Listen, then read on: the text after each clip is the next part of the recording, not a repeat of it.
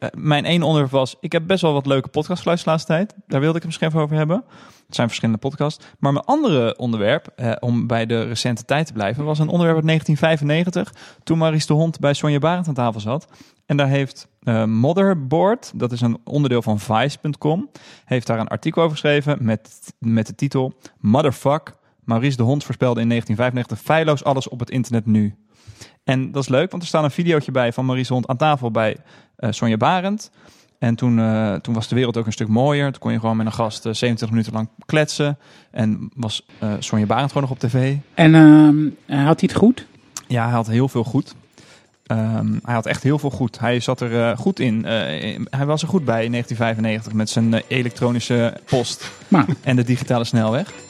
Um, en hij zat daar omdat hij een boek had geschreven. En vooral uit dat boek zijn heel veel dingen die uh, uiteindelijk bewaarheid zijn geworden. Ben je, ben je gelijk nu door in het onderwerp nou, of gaan we het er straks over hebben? Ja, dat deden we normaal wel. Dus ja. ik, ik, snapte Joost al niet zo goed met zijn... ik wil het hier over hebben en ik, vervolgens gaat hij het er niet over hebben. Maar ja, wat zeg jij?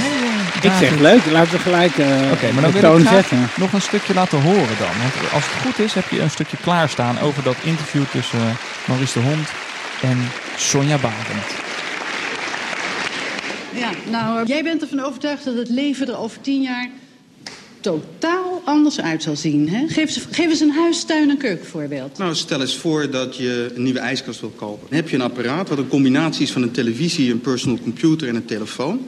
Je meldt je op de ijskastenboulevard, zal ik maar zeggen. En daar is alles wat met de aankoop van een ijskast te maken heeft. Dat je gewoon zegt, ijskast, ik, wil een, ik heb een probleem met mijn ijskast... of ik wil een nieuwe ijskast. Ja? Dan krijg je bijvoorbeeld een lijstje van 12 of 15... die zeggen van, nou, deze ijskasten, foto's, dat zijn ze wel ongeveer. Uh, je krijgt een commercial of een infomercial... Maar je kan ook zien, die ijskast hij gaat open en dan zeg je... nou, ik wil uh, zes eieren daar, de boter daar enzovoorts. En één, twee dagen later heb je die ijskast thuis. Dan wordt die gewoon bij je thuis uh, naar binnen gebracht? Ja, dan wordt hij naar binnen gebracht. Maar en hoe betaal je hem dan?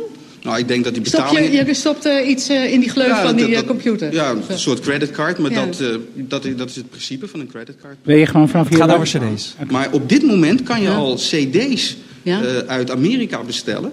En die zijn, als ze in Nederland zijn, goedkoper dan als je ze op de hoek koopt. Ja, ja dat heet, de, las ik, uh, de bargain finder. Hè? De koopjes ja, zoeker is, of vinder. Ja, er is op dit moment al een programma in Amerika, dat is een test.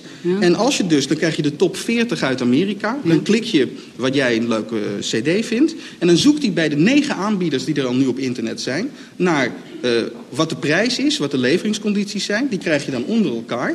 En dan klik je de goedkoopste. En dan krijg je een bestelformulier. Je vult in en je hebt besteld bij de goedkoopste die dat product heeft. Man, maar weet je waar ik nu... Ik zie nu bergen werkelozen, zie ik hier opstijgen. Winkels weg. Uh, we kopen onze cd's, uh, die tik ik even in. En dat is daar, als ik hem uit New York laat exact. komen, 3 dollar goedkoper. Dus ik ga niet meer naar de platenwinkel. Nee. Het wordt een regelrechte ramp. Nee, niet. Ja, het tragische momenteel in Nederland is dat zowel in de politiek als in het bedrijfsleven... 90, 95 procent van de leiding al daar dit, die hele wereld niet kent. Ik heb lezingen gegeven voor het Nederlands Centrum van Directeuren. Die zitten dan in de zaal. En dan zeg ik van wie van u heeft wel eens internet gezien? Ja, ja dan stel vijf En, dan, en vijf mensen staken hun hand op, was er toen het antwoord. Ja? Ja, van alle directeuren die in de zaal zaten bij uh, Maurice de Hoorn. Internet gezien, ook een beetje als je naar de tv kijkt. Ja, maar laten we eerst ja. even, want uh, ik denk dat we heel veel luisteraars hebben die uh, in 1905, nee, maar ook in 1995... Oh, Maurice de Hond, ik stap op. Ja, maar Maurice de Hond is, was, de, was de Alexander Klupping van 1995. Ja, toen was alles een niveautje ouder wat op tv kwam. Precies, en... Um, Uh, maar was wel, uh, uh, zeg maar... Giet. Na Giet, ja, maar dus je had eerst Giet Ja, maar dan weer nog tien jaar daarvoor. Ja. Oh ja.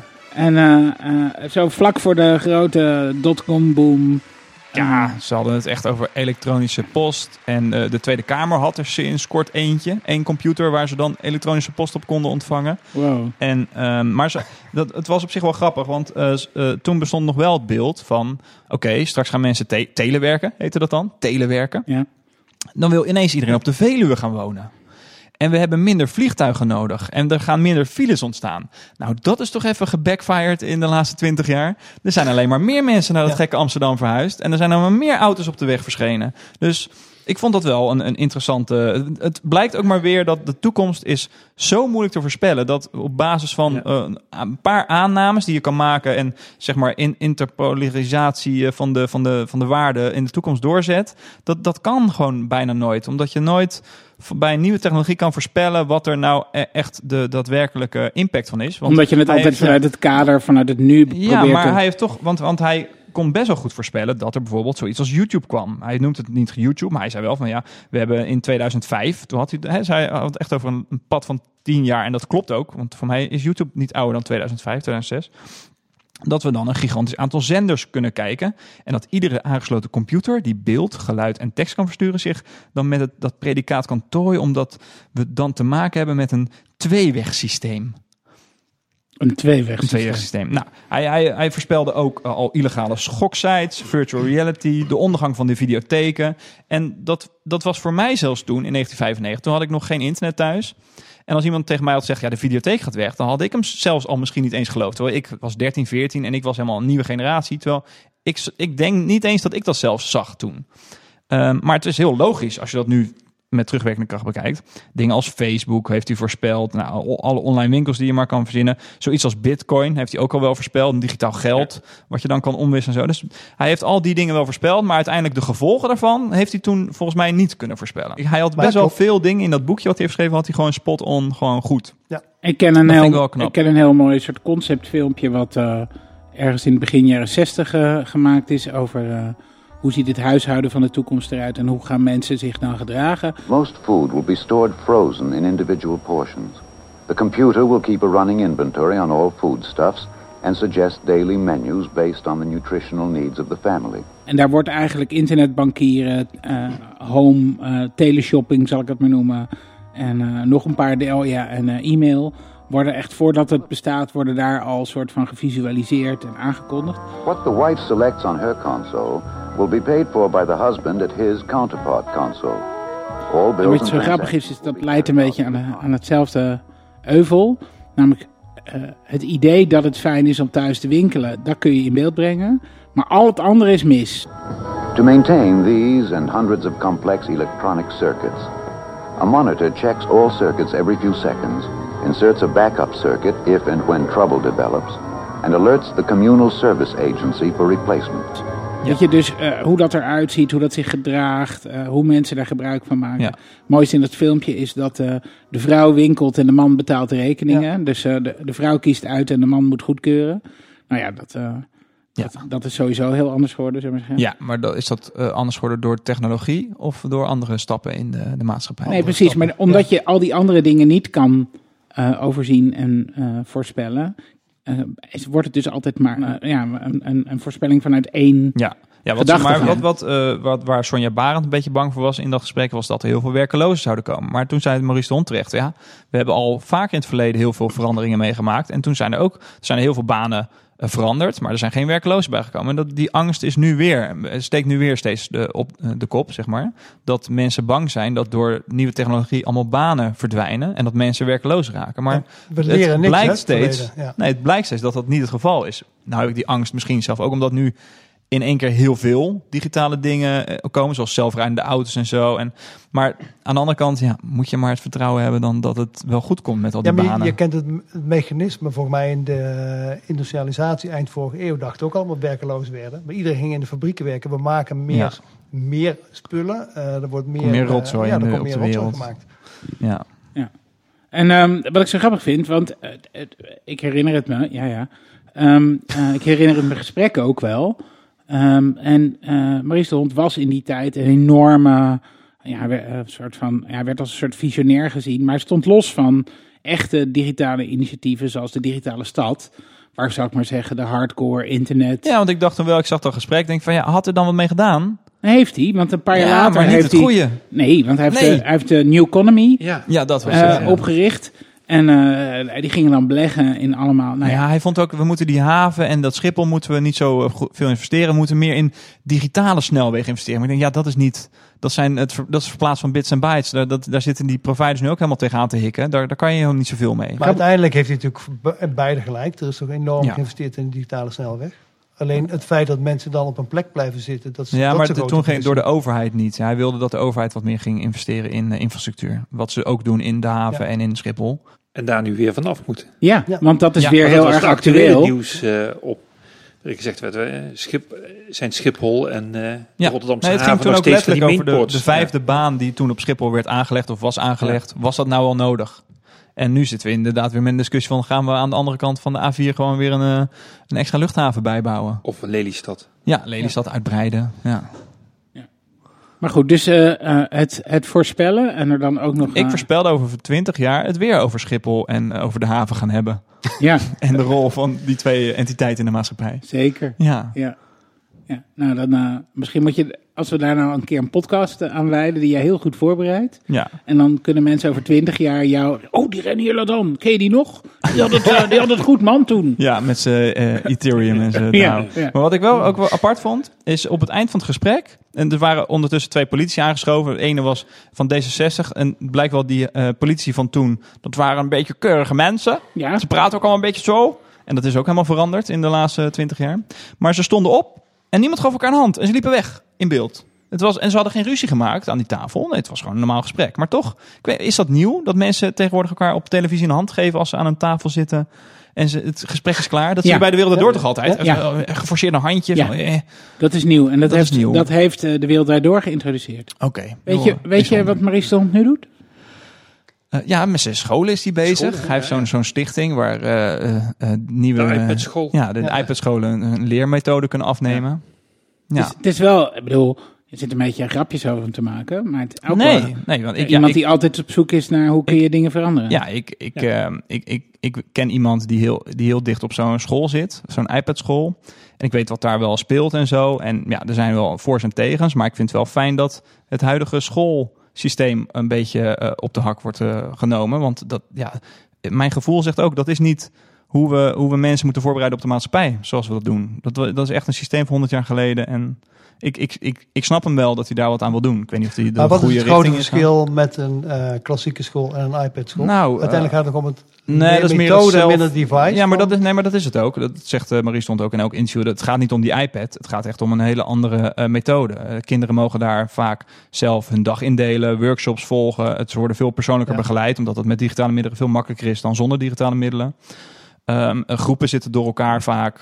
Een, een heel belangrijk ding wat ze proberen om te keren op dat soort scholen is dat het verwerven van leerstof kun je heel goed eh, aan de hand van eh, Ja. eh, een boek of filmpjes of eh, Ja, het gaat de Khan om- Academy kun je dat thuis doen. Ja. Maar wat je niet thuis kan doen is heb ik het goede geleerd of eh, hoe kan ik mijn kennis De toepassen. sociale interactie van samenwerken. en dat doe je, en dat doe je samen in een groep en onder begeleiding Ik van wil niet een- zeggen dat het altijd goed gaat hoor. Want, Nee. eh, Nee, want ik wil zeggen, van de andere kant is, ze moeten ook leren hoe gaan ze nu om met al deze vrijheden van al die Ja. digitale media. Maar dat leren ze daar dan wel. Ja. En dat leer je niet in een, een klassieke schoolsetting.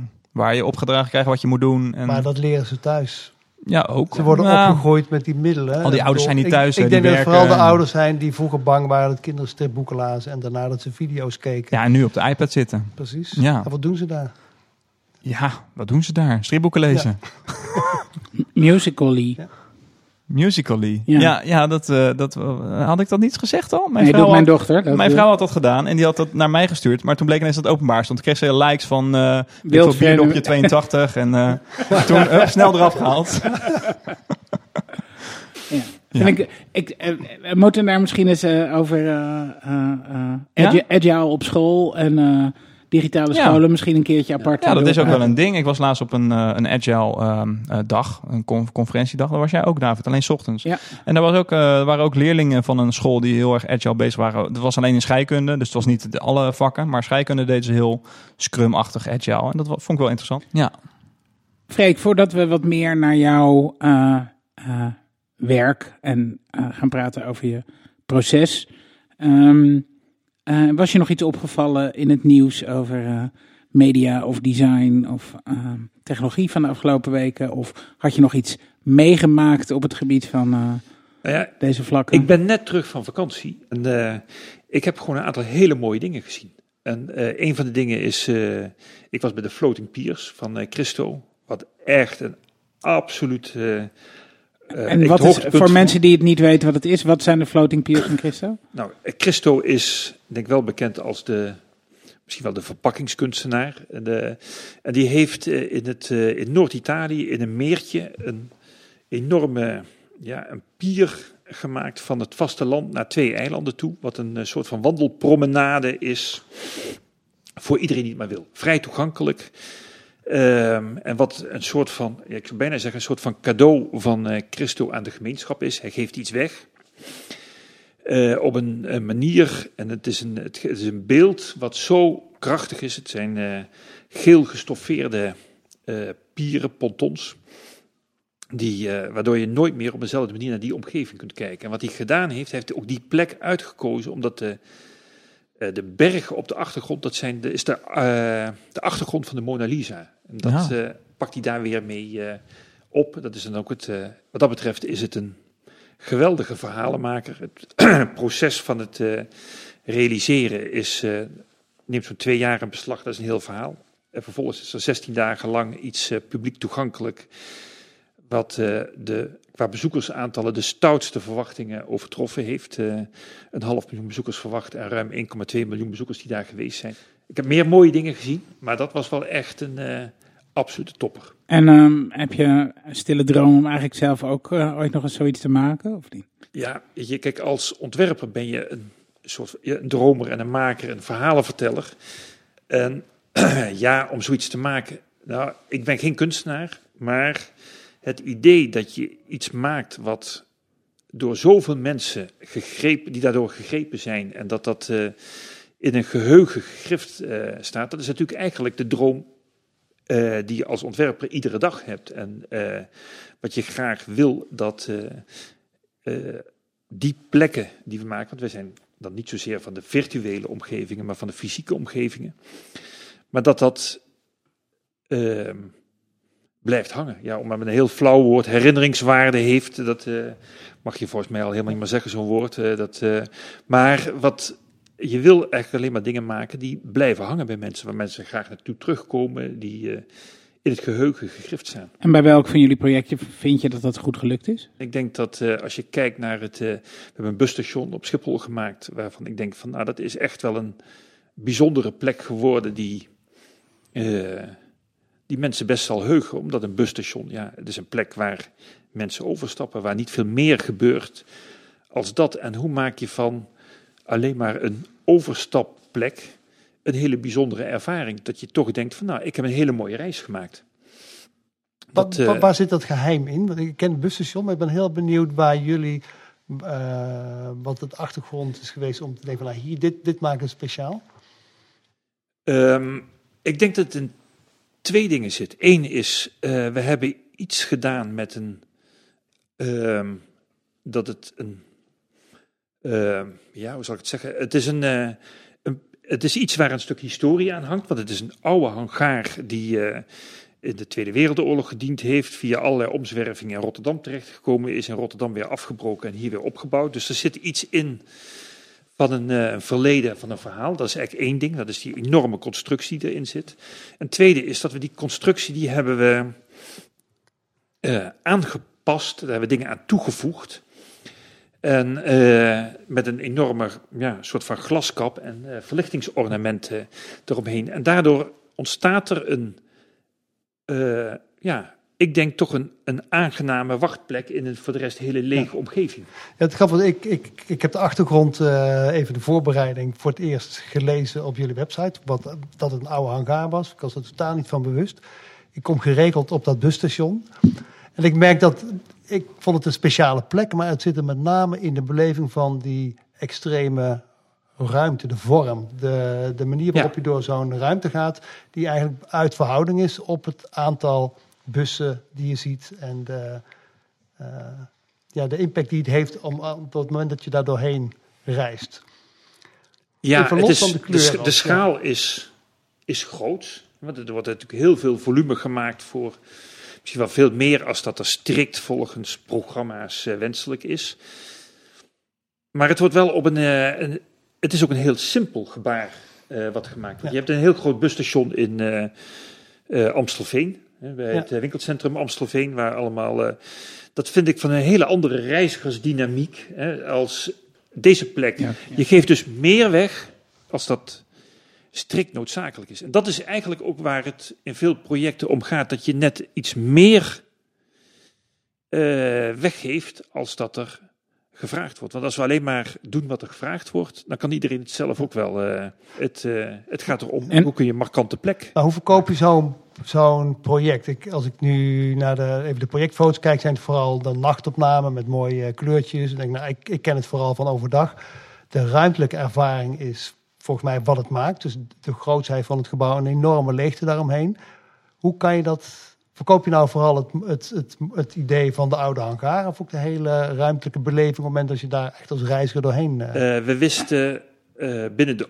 Ja, we, waren aan het zoeken naar op welke manier we op die plek een begin zouden kunnen maken met nieuwe ontwikkelingen. En het, de, de opgave ontstond toen we het idee hadden van we gaan iets met die hangar doen en dat busplatform op die plek. Dus ja, het was een combinatie van die twee.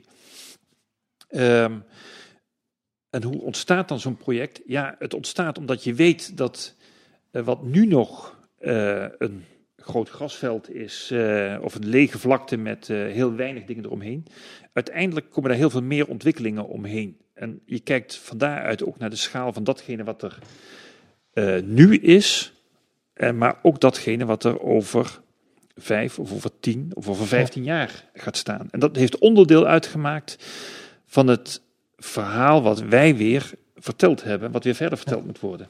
Ver- Verkopen jullie dit, of ver- vertellen jullie dit verhaal ook vanuit het perspectief van degene die dat bezoekt wordt met techniek als eh, 3D-rendering, virtual reality?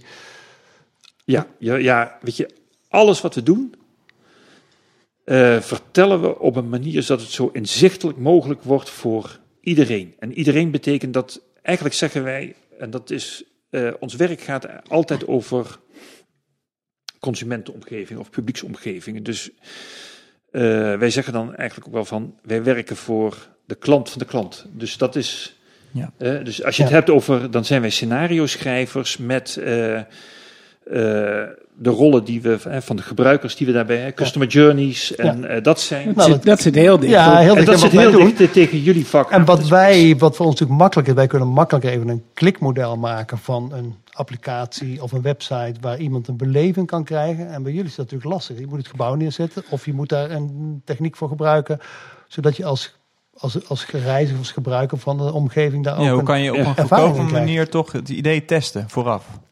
Ja, er zijn natuurlijk heel veel visualisatietechnieken die heel, eigenlijk verhoudingsgewijs best eenvoudig zijn. En hoe Zo- komt dat op de werkelijkheid? Ehm, het komt redelijk dicht bij de werkelijkheid, maar dat heeft niet alleen te maken met een, een tekeningetje wat je maakt, want het begint vaak ook nog eens een keer met gewoon een, eh, een los handschetsje met een idee, een prentje. Dus het, eh, ehm, voordat het echt een klein animatietje wordt of een, eh, een 3D-modelletje met eh, moodboards en verhalen eromheen, waarbij iedere keer het verhaal is van hoe gaat iemand dat gebruiken. En in dit geval is dat van hoe is dat die reiziger die eh, in de bus zit en daar gewoon alleen maar doorheen rijdt, die daar uitstapt, overstapt. En het gaat ook over die buschauffeur eh, die daar komt en eh. Eh, Dat is ook een die, gebruiker, die ja. is net zoveel gebruiker als die dat eh, is. En eh, in dit geval ook ehm, Schiphol, die het merk van Schiphol nog verder en breder wil wegzetten. Ja, Net want daar zoals komt opdracht busbedrijven. vandaan. Ja. Daar Het komt de begint steeds meer websites te lijken als ik het zo... Ja, hè? Ja, het Ja. is echt ongelooflijk. Een website is een busstation. Ja. Maar, eh. Dus je begint met veel research doen. Het is niet zo dat een opgave voor ons begint op het moment dat iemand een vraag heel duidelijk geformuleerd heeft en dat we aan de hand daarvan gaan tekenen. Wij formuleren heel vaak de vraag mee met onze opdrachtgevers. Wij denken mee naar van waar gaat het over? Waar gaat deze winkel over? Waar gaat dit dierenpark over? Wat Dus willen we in ze, de ze theater? komen Wat, eh, bij jullie met een probleem of een uitdaging. Of een, Een- Ja, of met een half idee Ja. van eh, wij willen iets op die plek. Of vertel ons een, eh, hoe wij dit verhaal eh, tastbaar kunnen maken. En eh, dan is dat verhaal misschien pas een een eerste alinea van een boek, maar proberen we toch met elkaar dat hele boek te schrijven. Dus ook, we zijn een merk en hoe kunnen we daar op een fysieke locatie iets mee doen? Ja, en in sommige gevallen realiseert niet iedereen zich dat die, uh, ieder opdrachtgever, dat hij echt over een merk beschikt. Dus dan betekent het ook dat we duidelijk moeten maken van waar gaat jouw merk over en op welke manier willen we daarmee omgaan. Dus op die manier bouwen jullie mee aan een merk, onbewust. Ja, wij maken uh, fysieke merkomgevingen. Dus wij bouwen fysiek, ja, ja. dus wij, dus, wij, heel letterlijk bouwen ja. wij werkomgevingen, ja. ja. Misschien een leuk haakje naar een van mijn ja, ja, onderwerpen. Ja. Dat is een, ik las een, een artikel in uh, Co-Design, een, een, online magazine van Fast Company, over de rol van brand agencies. En de vraag, is die rol uitgespeeld? Zijn het, uh, is het nog van deze tijd? Um, nou, wat ze beschrijven is de klassieke manier van een merk bouwen... is dat je van bovenaf merkwaarde maakt. Je maakt een logo, uh, kleuren, huisstijlen, principes. En dat alles wordt beschreven in grote handboeken. Alles probeer je af te dekken. En in de werkelijkheid zie je dat heel veel uh, zaken die het merk werkelijk bepalen... zitten veel meer in de manier waarop je een bedrijf of een service of een omgeving ervaart. Daar wordt de impact gemaakt. En een merk is dan vaak een geluid, zoals het, uh, de connectietune ja. van, van Skype is bekender dan het logo van Skype. Uh, je hebt de animatie, de laadanimatie van, van Google, die heel bepalend is. En je ziet dat steeds meer uh, digitale, in ieder geval naar mijn vak kijk, digitale contactmomenten belangrijk zijn in de, in de manier waarop je met je eindgebruikers communiceert. En dat digital agencies, die worden daarvoor inge ingehuurd om die service en die contactmomenten op te zetten. En op die manier van onderaf veel meer invloed gaan krijgen op de beleving van de dienstverlening en de producten. En daardoor ook de beleving van het merk, de plek waar het merk wordt ja. waargemaakt. En de vraag is in dat artikel was van ja, wat, welke rol speelt een, een, uh, een klassieke brand agency in zo'n, in zo'n traject. Als je het van bovenaf probeert op te leggen en je handboek uh, beschrijven vooral de buitenkant en uh, datgene wat het werkelijk maakt. En in jouw geval ook dus de omgeving ja. wordt daar niet in meegenomen. Terwijl andere bureaus dat langzaam, onbewust, dat merk meer bouwen dan de strategie die van bovenaf is uh, neergelegd. En gaven ze ook het antwoord uh, in dat artikel? Ja, ze, gaven het, ze zeiden uiteindelijk moet je naar, naar elkaar toe bewegen. kijk, dus prima dat, dat uh, jullie als, als uh, architectenbureau en de digital agencies aan een merk bouwen, maar dat doe je eigenlijk onbewust en vaak ook uh, zonder een overal merkvisie. Er wordt gebouwd, er wordt geluisterd en vertaald, maar de vertaling zit meer in de designers van het ontwikkelen van Is dat dan weer net als de stalagtiet en de stalagmieten? Precies. Door naar elkaar ja. toe werken? Dus je moet naar elkaar toe werken. Dus de, ja. de het idee was eigenlijk zou je als, als digital agency, of misschien zelfs jullie als architectenbureau, meer moeten samenwerken of kennis moeten hebben van merken. Dat hebben jullie volgens mij ook. Um, en aan de andere kant zouden brand agencies misschien meer moeten opschuiven naar het ontwikkelen van de digitale producten zelf. Omdat je anders alleen met het beschrijven van de ja, buitenkant... de producten maken uiteindelijk ja. merk. Maar wat ik, wat ik er heel erg in hoor, is dat die oude indeling gewoon helemaal niet meer werkt. Nee. Want ja. ben je tegenwoordig nee. een merk, dan kom je... Uh, uh, tot je recht, hè, je merkidentiteit wordt geladen, zou je dan zeggen, door al je uitingen. Ja. Maar die uitingen, die, die zijn zo... Uh, die zijn niet meer plat. Voor, nee, en die zijn zo vertiendubbeld. Zijn interactief. Je. Vroeger was het uh, een brochure met wat fotografie en één keer een tone of voice. Maar de hoeveelheid kanalen waar je op moet acteren is uh, zo groot geworden. En je moet, je, uit, je moet die identiteit kunnen vertalen naar video. Je moet het kunnen vertalen naar je interieur. Uh, of de, de plekken waar je klanten met jou in aanraking komen. Dat is online uh, super belangrijk. Online zit het tot in de finesses van de audio, waar we het laatst over gehad hebben. Van de animaties. Het zit in alles. En, en uh, eigenlijk vraagt dat, denk ik, dat je als merk zelf uh, de verantwoordelijkheid moet ja. nemen voor je merk. In, waar je dat vroeger, kon je zeggen, ik ben een fabriek en ja, ik maak iets. Het. Ja. En uh, ik huur een, een, bedrijf in, een traditionele merkbureau, en die helpt me daarmee. Dat kan eigenlijk niet meer. Ik denk dat je dat van tevoren allemaal zou kunnen bedenken. Hè? Dus, uh, want dat suggereert dat uh, artikel dat je uh, een heleboel uh, weet te bedenken. Dat, je hebt, punt 1, je hebt de tijd niet meer voor. En in de breedte van het gebied waarin het gebeurt, heb je de kennis niet nee. voor. Dus het gaat er uiteindelijk om van. Uh, eh, je kunt het ook niet in een strak kader meer gieten, want het moet een, eh, het moet een behoorlijke bewegingsruimte hebben. En het moet, in de, het moet uiteindelijk iets zijn wat wel gedragen moet Ja. worden. Dus ik wil niet daarmee eh, de brand agencies eh, eh, afserveren. Maar het idee dat het allemaal vooraf bedacht wordt. En hetzelfde is natuurlijk ook van eh, brand manuals. Ja. Ehm, wij werken natuurlijk aan eh, eh, voor winkelketens, maar we maken geen handboeken meer. Zoals die er vroeger zijn, waarvan iedereen dacht van daar kunnen we de komende vijf, zeven of tien jaar Ja. mee vooruit de, de wereld mee in. Dat kan gewoon niet meer. Je praat toch over een soort van responsive retailing of responsive design, dat je uiteindelijk iedere keer eh, leert van de ervaringen. Een iteratief uit- proces. Het is een heel een systeem. het is een interactief proces eh, geworden. En in de breedte gaat het uiteindelijk ook om van. En dat, daar ben ik absoluut van overtuigd dat je iets weet te bedenken. waarbij je heel makkelijk heel veel mensen op kunt Ja. laten aanhaken. Dus dat eh, op eenzelfde manier als dat eh, die Christo van zijn Floating Piers.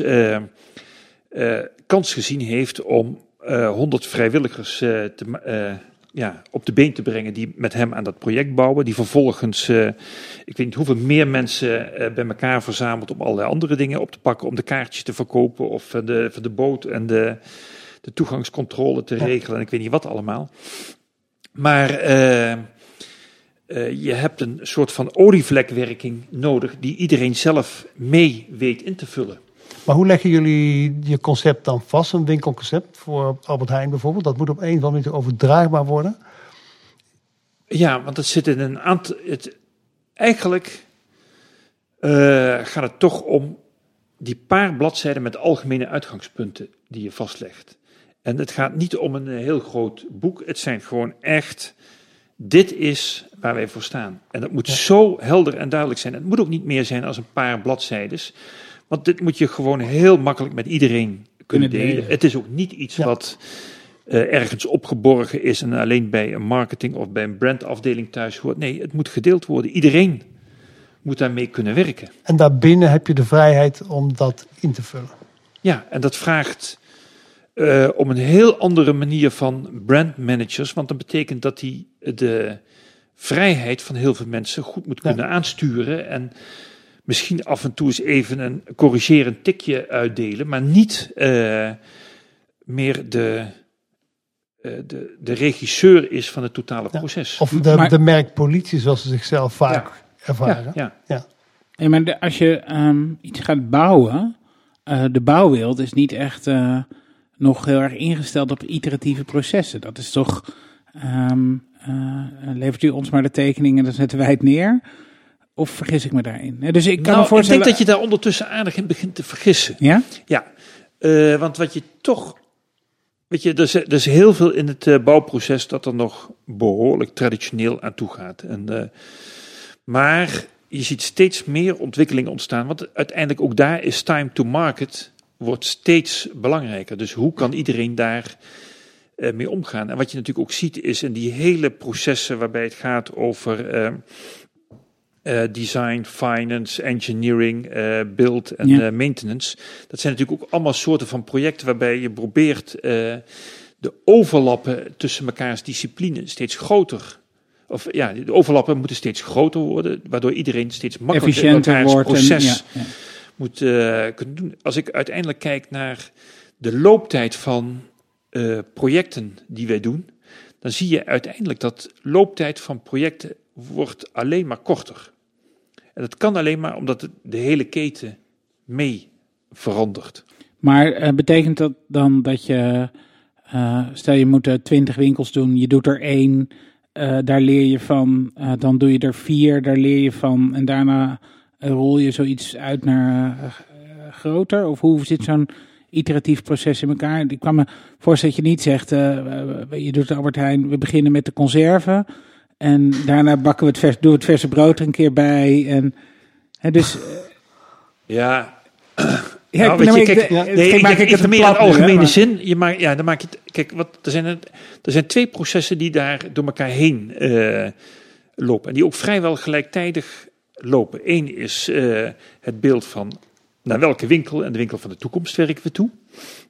hoe moet die eruit zien en wat is het totale beeld? Dat is een soort van lange golf, eigenlijk een wat grotere golfbeweging uh, die er steeds doorheen loopt. En dat zijn processen die nou, een half jaar of een jaar duren en dan heb je uiteindelijk een heel mooi groot nieuwe winkel. Er is, tussendoor zijn er allerlei processen van hoe gaan wij deze afdeling weer optimaliseren? Hoe werken we daaraan? Ja. En dat zijn, wat je steeds meer ziet, is dat dat zijn uh, processen waar uh, opdrachtgever en ontwerper steeds intensiever met elkaar in samenwerken. En eigenlijk veel meer partners zijn in ja, het bouwen. Het zijn eigenlijk allemaal een soort van co-creatieprocessen. Ja. Er is geen eenduidige eigenaar van het idee meer aan te wijzen. Het gaat allemaal in elkaar, loopt eigenlijk een beetje in elkaar over. Maar dat vraagt ook uh, om uh, een bepaald soort van opdrachtgevers die dat kunnen.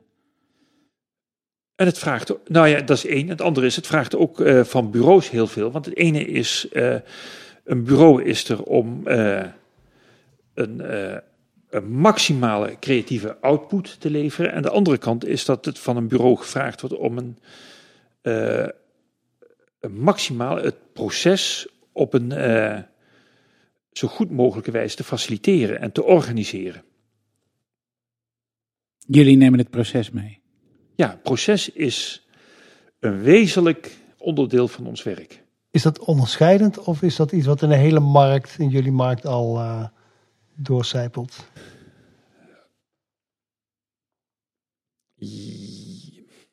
Um, ik denk dat het steeds meer gebeurt. Ja. ja. Het lijkt heel erg op het proces dat wij doormaken, of doorgemaakt hebben de afgelopen tien jaar met onze klanten. Ja. Waar, waar je voorheen de opdracht kreeg, je trok je terug als bureau, je maakte een mooi uh, concept. Zelfs de we eerste websites ja. werden zo gedaan, uh, ontwikkeld. En dan kom je bij de klant en dan ligt er een mooie presentatie en dan ga je dat gewoon helemaal bouwen. Uh, die tijd is voorbij. Wat je nu doet, is inderdaad ook samen opbouwen, partneren. Wij kennen nog een, iets als een MVP, Minimal Viable Product. Een product wat, wat in basis goed genoeg is om uh, live te zetten. En vervolgens ontwikkel je door en leer je en probeer het steeds verder uit te bouwen. En op die manier is een project ook nooit klaar. Nee, is, dat, is dat ook nee, iets wat dat jullie, klopt, dat, dat dat hoor ik ook een beetje in en, jouw... Uh, dingen worden getest uh, en worden uitgeprobeerd. En we hebben opdrachtgevers die bijna zo'n stuk van een winkel één op één bouwen en eens een keer in een grote hal. En daar komt een keer een bus uh, met mensen naartoe om er eens een keer doorheen ja. te lopen en de ervaringen te meten. En dat is natuurlijk wat we constant naar kijken van. En daar zitten ook wel alle parallellen in. Want wij kijken natuurlijk ook steeds naar van hoe bewegen mensen ergens heen. Ja. Gaan ze eerst naar links, gaan ze eerst naar rechts? Wat willen we dat ze doen? En dat, dat zijn eigenlijk onderdelen van steeds die customer journey die je met elkaar vastlegt om te kijken wat doen we erin. En er zijn natuurlijk ook steeds uh, aspecten erin dat je soms een keer moet zeggen van oké, okay, stop, dit is dit deel van het project, dit gaan we nu maken en daarna kijken we weer verder. Ja. Kijken we weer verder. Ja. En doen jullie dat onderzoek zelf? Is dat echt uh, onderdeel van uh, jullie competenties of werk je daar weer samen met uh, gespecialiseerde onderzoekers? Of doet de klant dat? Um, de klant doet het en wij doen het. Oké. Okay. En dat, um, ik denk dat als ik kijk naar het team wat wij hebben, zitten daar. Dat is eigenlijk ook waar we gewoon iedereen op. Kijk, je moet vakkennis hebben uh, op gebied van interieur of architectuur of grafische vormgeving of industrieel ontwerp. Mm -hmm. Maar de andere kant is, je moet natuurlijk ook gewoon. Uh, ja, ik zou bijna zeggen gek zijn op mensen, maar uh, gek zijn op die consumentenomgeving, nieuwsgierig zijn naar van wat doen ze, waarom bewegen ze zo. Het is niks mooier. Ja, ik vind dat, uh, ja, dat is eigenlijk iets waar je gewoon iedere dag, ieder moment mee bezig kunt zijn. Hè? Wat uh, doen die mensen nou allemaal die bij het stoplicht ja. staan? Uh, wanneer fietsen ze allemaal door, Ja. wanneer niet? Dat zijn allemaal elementen die onderdeel zijn van ons spel. Dat is eigenlijk wat je, ja, en dat zijn in aanpalende vakgebieden, kijk je daar ook naar van hoe gaan mensen daarmee om? Dat vind ik ook wel inspirerend als je kijkt naar. Uh, dat is voor mij ook vakantie uh, om rond te kijken naar wat er her en der allemaal gebeurt. Of je nou in een museum bent of uh, ik vind het. ja, zo'n Christo vind ik dan, eh, dat vind ik ook op zo'nzelfde manier van hoe organiseert hij nou zo'n proces? Hoe krijgt hij dat voor elkaar? Eh, hoe gaan mensen daarmee om? Eh, hoe doet hij dat? Eh, ik vind het ook interessant om te zien van eh, eh, de webshops eh, die eh, eh, mensen wel op een hele duidelijke en directe manier weten te interesseren en over de brug te krijgen van hoe doen we dit? eh, hoe dat Ja, met dus een soort media gaat, grenzeloze nieuwsgierigheid het je is, dan nodig. je moet een grenzeloze nieuwsgierigheid. Ja, en dat is per definitie eigen aan ontwerpers. Dat zal bij jou niet anders Ja. zijn. eh, eh, je moet gewoon. Nieuwsgierigheid is een eh, ja, onverbrekelijk verbonden met ontwerpvak. Heb jij helemaal niet, hè, Renier, dat je nieuwsgierig bent? Ik nee. Ik weet alles al. Ja, dat is het probleem. Hè? Nee. Hey, moet je niet ook een rasoptimist zijn? Want je moet natuurlijk ook geloven dat al die dingen die je bedenkt ook wel tot dat leiden wat je beoogt. Ja, soms is het ook wel echt lijden hoor. maar eh, ja, ja, daar zit natuurlijk een. eh, ja, je moet optimistisch zijn, want het moet er uiteindelijk allemaal komen. En het zijn eh, soms hele moeizame wegen om. eh, eh, ja, of je nou alle kikkers in de bak moet houden, of, of dat je. processen gaan niet altijd langs een rechte streep. Het is vaak behoorlijke kronkelpaadjes die je met elkaar moet bewandelen. Maar het heeft ook wel ja, de teamgeest die daarin zit. En dat je dat met een. Want je doet het altijd met een groot team van mensen. Of dat nou het team binnen het bureau is, of de teams met de opdrachtgever, of de samenwerkende partners. eh, eh, ja, je houdt elkaar overeind. Hey, en hoe, hoe bewaak je dan het geheim van je bureau? Waar zit... eh, Is er een geheim? Is er een speciaal ingrediënt waarvan jullie jezelf bewust zijn de secret sauce? dat uniek is aan jullie bureau? Bestaat zoiets? Ja, het is natuurlijk makkelijk om het eh, af te maken met. Is de cultuur die binnen het bureau eh daar is. De mensen maken het bureau. Uiteindelijk is het natuurlijk altijd de mens. En het is Het is team-. Daar geloof ik echt. We hebben, hebben net eh, tien minuten zitten praten over merkidentiteit en hoe belangrijk het is. En dan ga je zeggen, ja, het komt toch eigenlijk neer op de mensen die er werken bij je bureau. Je bent toch zelf ook een merk? Ja, maar dat zijn. eh, ja, als persoon of als bureau? Ja, is het niet Nee, kijk, weet je, de, Als, als Beide. bijvoorbeeld eh, alle Ajax-spelers naar Feyenoord gaan, dan is Feyenoord nog steeds Feyenoord. Terwijl ze wel elf spelers op het veld hebben van Ajax. Dus er zit Nou. ook daar bijvoorbeeld wel iets in. Als alle spelers van Barcelona naar Madrid gaan, dan is het geen Madrid, geen Barcelona. ik denk dat het zo is dat. eh, eh, het mooie is aan het, eh, het team wat we hebben. En dat, bewaar, dat maakt dat ook. Is, er zit eh, een onderlinge stimulans in. Dus die, gedeelde nieuwsgierigheid eh, die je hebt op allerlei manieren. Eh, hoe je dat met elkaar deelt en vertelt en eh, wat er allemaal in gebeurt. Dat doen we steeds met elkaar. Er zit. wij zijn in die zin geen ontwerpbureau met één Philip Stark, één Karim Rashid, één. Nou, bedenk het maar, die het, het project maakt. En er zijn er een heleboel mensen omheen die dat eh, verhaal mogen, mogen ondersteunen. Geen grote ego's bedoel je? Het zijn natuurlijk wel allemaal persoonlijkheden die er zijn. Maar het gaat niet om die heeft het project gedaan. Wij hebben met elkaar het project gemaakt. En dat is eigenlijk ook wel het grappige. Eh, ik ben niet een hele goede sportkenner, maar als je kijkt naar eh, de voetbalteams, zo'n voetbalteam als IJsland, dat is een team van mensen die het echt als team met elkaar doen. En Ja, die weten ja. een heleboel Ja. mensen eh, te overtuigen van wij gaan dit met elkaar doen. En die weten met elkaar een soort van vibe eh, te creëren om, eh, nou die kunnen de wereld aan. Het gaat uiteindelijk om, van kun je toch zorgen dat je een geheel bent. En hoe, hoe bewaak je dat geheel dan? Want je hebt ook, er gaat dus iemand weg, je wil eens wat jong bloed binnenhalen.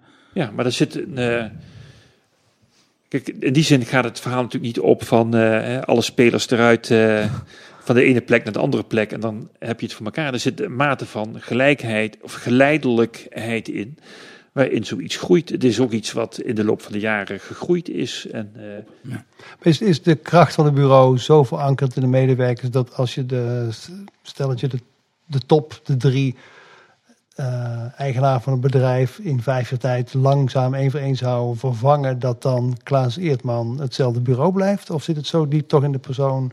dat van, Nou, dan, dan overleven we het niet. Ik denk dat, maar het is een beetje, eh, voor een stuk is het een beetje gis hoor. En Ja. eh, misschien ook wel wishful thinking. maar ik denk dat ehm, er genoeg mensen binnen het bureau zijn die de verantwoordelijkheid kunnen en willen trekken. En dat ook zullen doen. Als ik, eh, ehm, ik ga met een gerust gevoel op vakantie. Ja, ja. En ik ben drieënhalf, bijna vier weken weg geweest. En ik maak me geen seconde zorgen of het nou wel goed gaat aan de Kruidhuisstraat. Dat gaat gewoon, eh, dat Heerlijk. weet ik zeker. Ja. Ja, dus dus En uiteindelijk komen die klanten van jullie bij jullie omdat ze weten dat ze een eh, methode of een proces en een bepaalde mentaliteit in huis halen. En Ja. dat is eigenlijk onafhankelijk van. Ja. En het is een mentaliteit die een combinatie is van eh, eh, een heel goed stuk creativiteit en eh, het proces weten te organiseren met elkaar. En ook de spirit om, en de, de adem om het, om het project ook goed af te maken. En met elkaar af te maken. en Klinkt, mensen als, mee te nemen. klinkt als een mooi recept voor succes. Ja, maar dat is geen vanzelfsprekend succes natuurlijk. Is het dan ook, want je hebt echt een cultuur in je bedrijf. Ik, eh, ik herken het. het. Kan je in zo'n cultuur die je geschapen hebt, stel dat de markt verandert en je moet een kwartslag draaien met het bedrijf. Is het dan ook zo makkelijk om die slag te maken? Of zit het zo diep in de genen van iedereen dat het heel lastig om dat nog eh, te keren? Ja, nou, ehm, ja, ik denk wel dat, weet je, door de, de samenstelling in het bureau, hè, dus, eh, en het is door, ehm, dat is de leeftijdsopbouw, dat is eh, ehm, de verschillen aan disciplines en achtergronden van mensen, dat, dat bureau, dat verandert ook iedere dag. En het heeft ook te maken met de klanten eh, die we hebben, de klanten die veranderen, de vraag die verandert. Dus als ik kijk van, en dat, ik dat kan me niet voorstellen dat dat voor jou anders is. Een project, de projecten zijn niet vergelijkbaar. Het project wat je Ja. vorig jaar gedaan hebt, wat misschien wel een beetje lijkt op het project waar je vandaag mee bezig bent, pak je niet op dezelfde manier aan. Ja, alles Weet je, verandert. wij, wij- alles verandert. Ja, maar Ja, weet je, misschien je leert die- van. die wereld ook wel in elkaar door middel van augmented reality. Dat fysieke ruimtes veel meer in digitale ruimtes zich gaan plaatsvinden en andersom. Ja, ja. Dat zou ineens een Ja. kanteling kunnen zijn over vijf jaar. Je ziet ook, kijk, Zullen we daar, zullen we daar straks Nou, weet je, kijk, ik over denk praten? dat- Moet je Ja, plassen, maar oma David? Nee, maar ik, ik, eh, sowieso eh, moeten we even tijd maken voor de sponsorbreak. Oh, oké. En ehm, eh, ehm, eh, laten we daarna eh, met jou, Freek, even eh, verder praten over hoe digitaal en de, eh, de manier waarop mensen andere verwachtingen hebben over service impact heeft op fysieke ruimtes. En eh, we hebben ook nog een rondje andere dingen te bespreken. Zo wilde ik het nog heel even hebben over een van de allerbeste longreads die ik heb gelezen. ja, het is een eh, longread van eh Mother Jones. Dat is eh, een soort van de correspondent van de Verenigde Staten. Ook, ook van de Vice is dat, of niet? Eh, nee, niet dat Oh. ik weet. En ehm, ehm, eh, 87 eh, pagina's als je het uit zou printen over een verslaggever die undercover gaat oh, dat ding. in een eh, privaat gerunde Amerikaanse gevangenis. Glitch. Glitch wordt mede mogelijk gemaakt door Ieder Spiekerman. En Ieder Spiekerman is een design agency, eh, ontwerpt merken en producten, digitale producten. En daarvoor zoeken ze altijd mensen. Het is namelijk een hele leuke plek om te werken, daarom zoeken ze altijd mensen. En Joost, ehm, jullie zijn eh, op zoek naar een. We zijn al een tijd op zoek naar een hele goede senior interactieontwerper.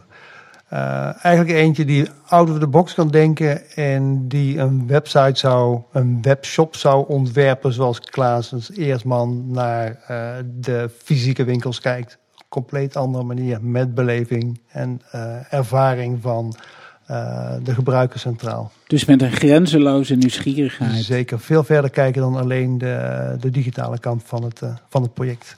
En ehm, eh, het is moeilijk, hè, een UX'ers. Ja, het is heel moeilijk. Ik, eh, ja.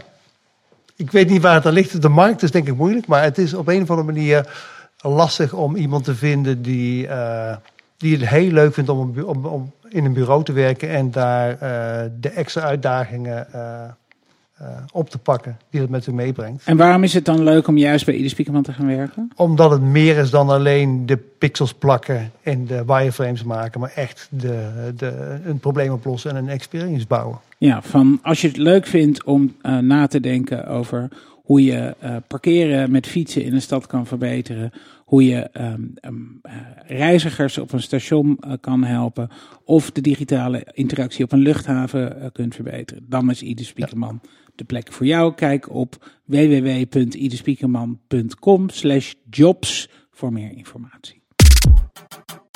Glitch. Apple zelf. Maar daar moeten we het misschien eh, wel of niet over hebben. Waarom niet? Ja, weet ik niet. Omdat, eh, Heb je een mening over de Apple Stores? Zet je koptelefoon maar op hoor, want dan gaan we ook maar gewoon beginnen. ja, Ik heb niet echt een mening over de Apple Stores. oké. ja, dan is het niet echt een terrein wat we hoeven te verkennen. Nee? Nee. Ik weet niet Kijk, hoe dat weet eh, Apple werkt. Stores, Want ja. voor, voor mij Maar- doen ze het maar vanuit Apple is wel- Apple zelf. Apple is wel Ze een er geen merk. bedrijf voor in. Ja, geen wel, van al- allerlei architecten. bedrijven. Ja? Tuurlijk. Voor mij hebben ze zelf mensen in Weet dienst. je, ik denk dat... eh, ben, je, ben je al... Ja, eh, we zullen oh, ja. lopen. Oh, nou hallo Ehm, allemaal.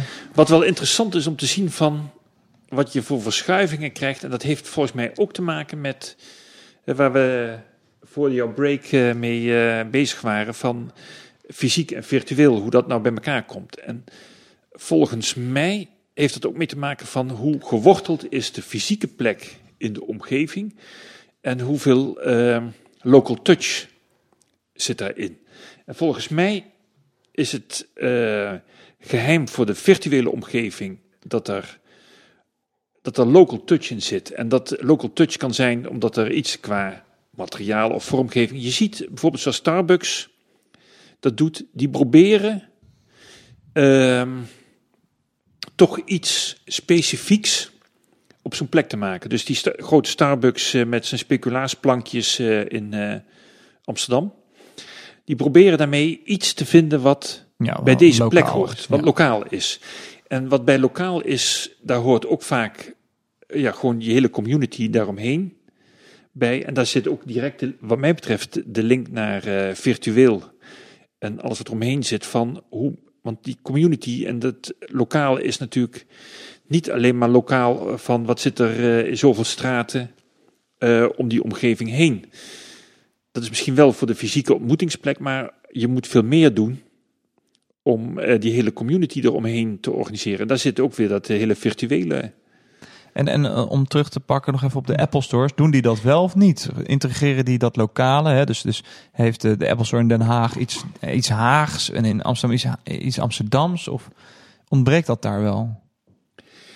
Ehm, ja en nee. Nee, ze doen het niet. Want eigenlijk als je kijkt naar het inrichtingsconcept is dat het, eh, er wordt gewoon eh, een doos binnen een doos Ja. geplaatst. Ja, ze doen het wel omdat ze hele markante plekken uitzoeken. Ja, de buitenkant is dat. De buitenkant. Ja.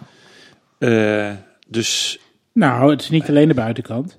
Want eh, eh, bijvoorbeeld Covent Garden in Londen is echt een Londens gebouw waar ook de, zal maar zeggen, de, de structuur van het gebouw in het interieur Ja, en dat ding aan Dat het is ook in Den Haag. Hiersgebouw Ja. in Amsterdam Ja. is ook, laat ook echt wel wat van het gebouw zien. Maar je zit wel echt Maar- in een Apple winkel. Ja, zeker. kijk, de, de tafels en de, de, de, het hele Dat is heel rigide. inrichtingsconcept is heel rigide. En dat is of je nou in Amsterdam komt, in Den Haag, of in Londen, of in New York, of bedenk het maar.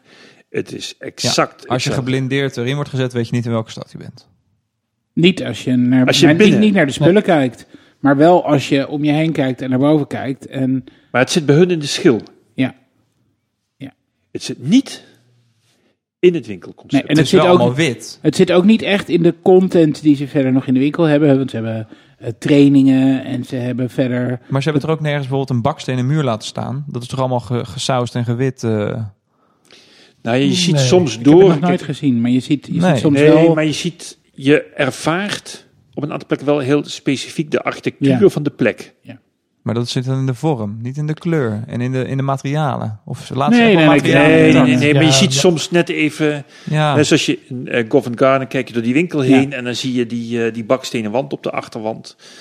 Die, ja, die misschien nog wel wat meer die associatie van die plek eh, Ja. heeft. En dat, dus ze doen het in de, het zit in de schil. En ze zijn volgens mij heel goed om heel specifiek de plek uit te zoeken. Maar, Dat is heel anders als dat bijvoorbeeld een Nike dat doet. Nike kijkt heel specifiek naar een plek, naar de omgeving, naar de type mensen die daaromheen eh, wonen, winkelen, werken eh, en maken aan de hand daarvan een voetbalshop of een running shop of een eh, ladies running of dat is ehm, Maar die kun- kunnen ze dus ook niet, veel minder makkelijk over de hele wereld uitrollen. Dat soort concepten. Jawel, ze kunnen het wel, want ze hebben. Ehm, als, hun modules zijn eigenlijk kleiner. Dus ze hebben een running module, maar dat is en een ladies running module.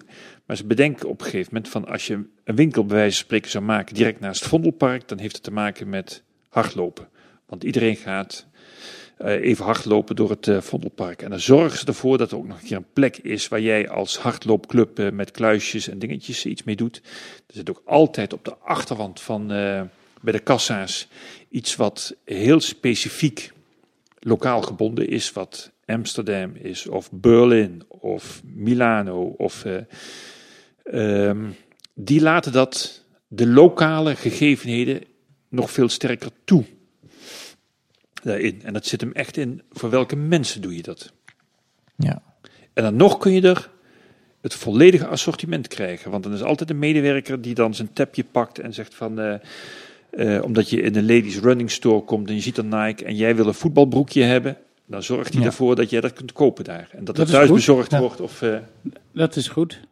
en dan weten ze de goede mix mee te maken. Ja. Ik ben natuurlijk vooral gewend om vanuit fysiek naar virtueel te Ja. kijken. Ja, ja, ja. Jij waarschijnlijk precies omgekeerd. Ja, want dan- ik ben heel benieuwd hoe je dat dan, hoe kijk jij tegen de webshops aan van een Nike of een, een willekeurige winkelketen? Want als ik het van afstand bekijk, dan vraag ik me af wat er nog overblijft van de ervaring en experience die in een fysieke winkel wordt gestoken. Ehm, ik geloof nooit dat het fysieke winkelen volledig zal gaan verdwijnen. We krijgen verschuiving Ja. erin. En het heeft te maken met de vormen van gemak die je zoekt. En eh, Ook met het soort spullen wat wordt gekocht? nou, ik denk dat dat. eh, ik heb me altijd, laat ik zo zeggen, dat. eh, ik heb me nooit kunnen voorstellen dat ik schoenen online zou eh, kopen. Ik ook niet, maar toch heb ik Maar het nee, ik heb het, gedaan. ik wou net zeggen, ik heb het Ja. gedaan nu. En dan dacht ik van. Ik heb het eh, ook al een paar keer gedaan. En hoe was Ja. jullie ervaring? goed. Nou ja, ik kocht toevallig schoenen waarvan ik wist, die zitten me lekker, want ik had ze al, maar dan heb ik net een ander kleurtje gekozen. Dus dat was prima. Ja, maar ik was altijd bang van, ja, als ik niet pas, dan moet ik ze weer terugbrengen. Maar heb je toch ervaring gehad met andere kleding, dan breng je ook wat terug. Denk nou, hè, die, die gemakswinkel zit om de hoek, dus dat valt allemaal wel mee. En kocht je bij het merk of kocht je... Dus kocht Nee, Zalando heb ik gewoon Ja. uitgezocht. Ja. Maar dan zit je in een magazijn, wat mij betreft. Ja. Toch, je weet Ja, ja, ja. je haalt uit het schap. En dan Ja. bedoel ik een Nou, beetje met het je- verschil tussen digitaal en, en, en fysiek. Wat je wel ziet is, eh, ik heb ehm, eh, laatst met een van mijn zoons wat dingen uitgezocht bij eh Mee.com. Dat is een eh, voor interieur eh, oh ja, winkel. En die weten eh, op een, vind ik op een knappe manier dat bij elkaar eh, te vinden. Want dan kun je, eh, er is een assortiment wat regelmatig wisselt. Ze maken een, eh, een sterke mix. Ze, ze werken net zo makkelijk met Instagram, met eh, Facebook. Met, eh, ze, en ze zetten het breed eh, in. Eh, ze weten het ook nog een keer zo te doen dat eh, als je een keer iets eh liked of post van, eh, of een, eh, iemand tagt eh, erin van hey, let even erop, want dat gebeurt natuurlijk. Hè, want eh, eh, in een gezamenlijk eh, besluitvormingsproces eh, over een eh, lampje of over dit of over dat eh, gebeurt dat. En dan krijg je direct een reactie terug. hey, wat leuk dat je dat doet. Dus die weten dat eh, bijna te verpersoonlijken. En ik denk dat op eenzelfde manier als dat je naar winkels kijkt, zie je dingen gebeuren. Ehm, eh, we hebben natuurlijk winkels die bijna een magazijnfunctie hebben. Een, eh, ik zou bijna zeggen van een, action is meer een magazijn. Ja. En als je kijkt naar de pindakaaswinkel in de, in de Oost bij de... God, hoe heet die straat ook alweer? De Tsaar Peterstraat. Straat Peterstraat. Dat is natuurlijk geen magazijn. dat is een Eh, advertentie. eh, dat is, dat is, dat, ja, Of, of is, gaat het niet echt om café pindakaas? Nee, ik ga niet over koffie. al- Nee, alle dat is echt, een, nee, dat is echt Ah, eh, de, de handgemaakte Want dat krijg je ook, hè, de, echt de merken die gewoon een winkel voor één ding. Nutella, Een Nutella-winkel. ja. Nutella. Nee, maar goed, in dit geval ja. is het iemand die Oké. vanuit passie Ja, maakt Daar heb ik ook over pindakaas. gelezen, ja. ja. Ja, ja. Dus dat is, eh, dus ik, eh, waarbij het bezoek een beleving is. En het is leuk om dat soort dingen te doen. En omdat, eh, Maar dat zie je ook online en dus fysiek. Van het gaat eh, of naar een hele kleine niche, of het gaat naar we hebben alles. Maar, dat zie je toch, ook online. maar toch En dan vind is- ik online, of ik nou ik, een espresso winkel, gespecialiseerd hier in Amsterdam, de Mediamarkt, de Gamma, de Bijkorf, een kledingzaak. Het eerste, ze doen een poging op een hoofdpagina, misschien een- nog één themapagina. En daarna zit ik meteen in een magazijnomgeving, de manier waarop Oh, producten worden... bedoel je? Ja, Ja, de manier waarop producten worden gepresenteerd. Of het nou een schoen is, een espressoapparaat, een stuk kleding of een, of een zaag. doen het allemaal zelf. Het is hetzelfde grid, dezelfde filters. En als ik naar winkels kijk, dan zie ik een enorm verschil tussen eh, de Rituals of de Action of de, eh, de. Hema, de Albert Heijn. En ik, ik vraag me af, zijn retail specialisten zoals jullie, eh, worden jullie betrokken bij concepten die online worden ontwikkeld? Ja, je hebt nou- al 25 jaar ervaring Ja, in, met- in ontdekken hoe mensen zich in een fysieke omgeving winkelen. Wat zijn de lessen voor online? Eén is, we worden er nog niet bij betrokken.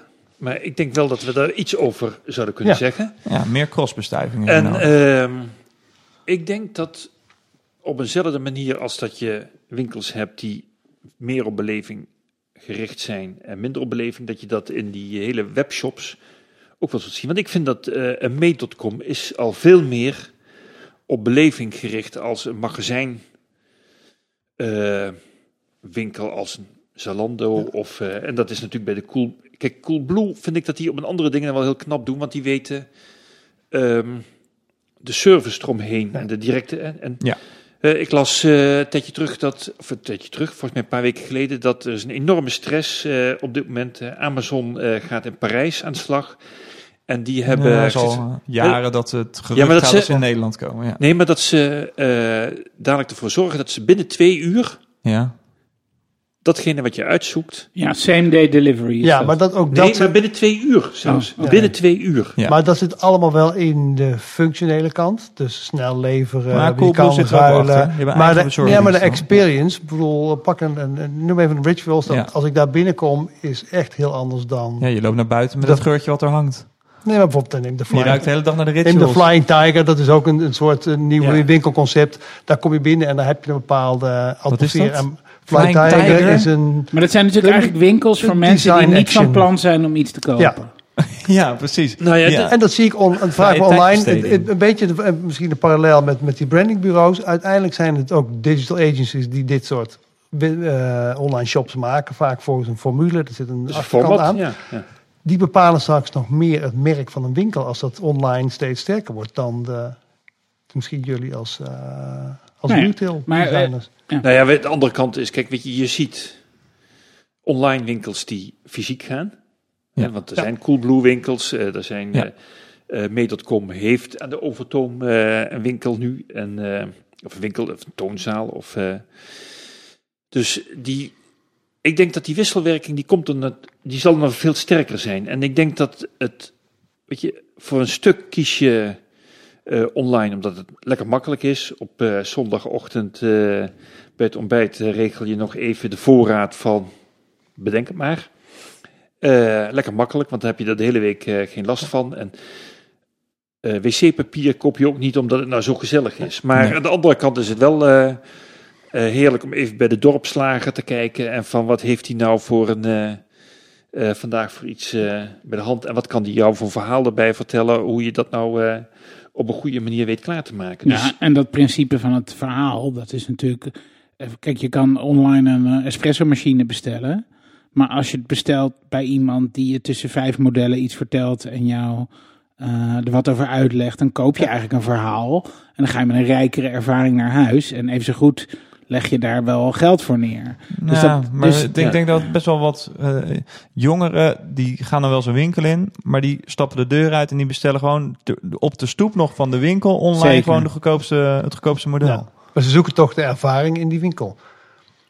Ja, ja, want ik zie inderdaad ook een heel groot verschil tussen de, de website van Albert Heijn en de Albert Heijn winkel zelf. Ja, maar hoeveel mensen kopen hun kleding niet online? Die zijn gewoon lekker aan het shoppen. Die brengen misschien de helft weer terug. Ja. Maar dat gebeurt wel weer in een soort magazijnomgeving. Ja, ja, ja, maar aan de andere Ja, kant is, zou ik zeggen, de, de, de energie die ze erin stoppen of het plezier dat ze eruit halen, ehm, is, kan, heel, kan net zo groot zijn. Ja. Want eh, eh, eh, op zoek naar de, de unieke stukken of de dingen die eh, anderen nog niet Ja, hebben. ja, dat of, snap ik, dat klopt. ja. Maar uiteindelijk, als je naar de winkels kijkt, de fysieke winkels zitten er gewoon door de belevingsverschillen en de merkperceptie ook gewoon prijsverschillen. Die accepteer je. Eh, we kopen een willekeurig product bij de bijkoop en je weet eigenlijk dat je het elders goedkoop kan kopen, Ja. kan krijgen. Maar toch Ja. ga je erheen.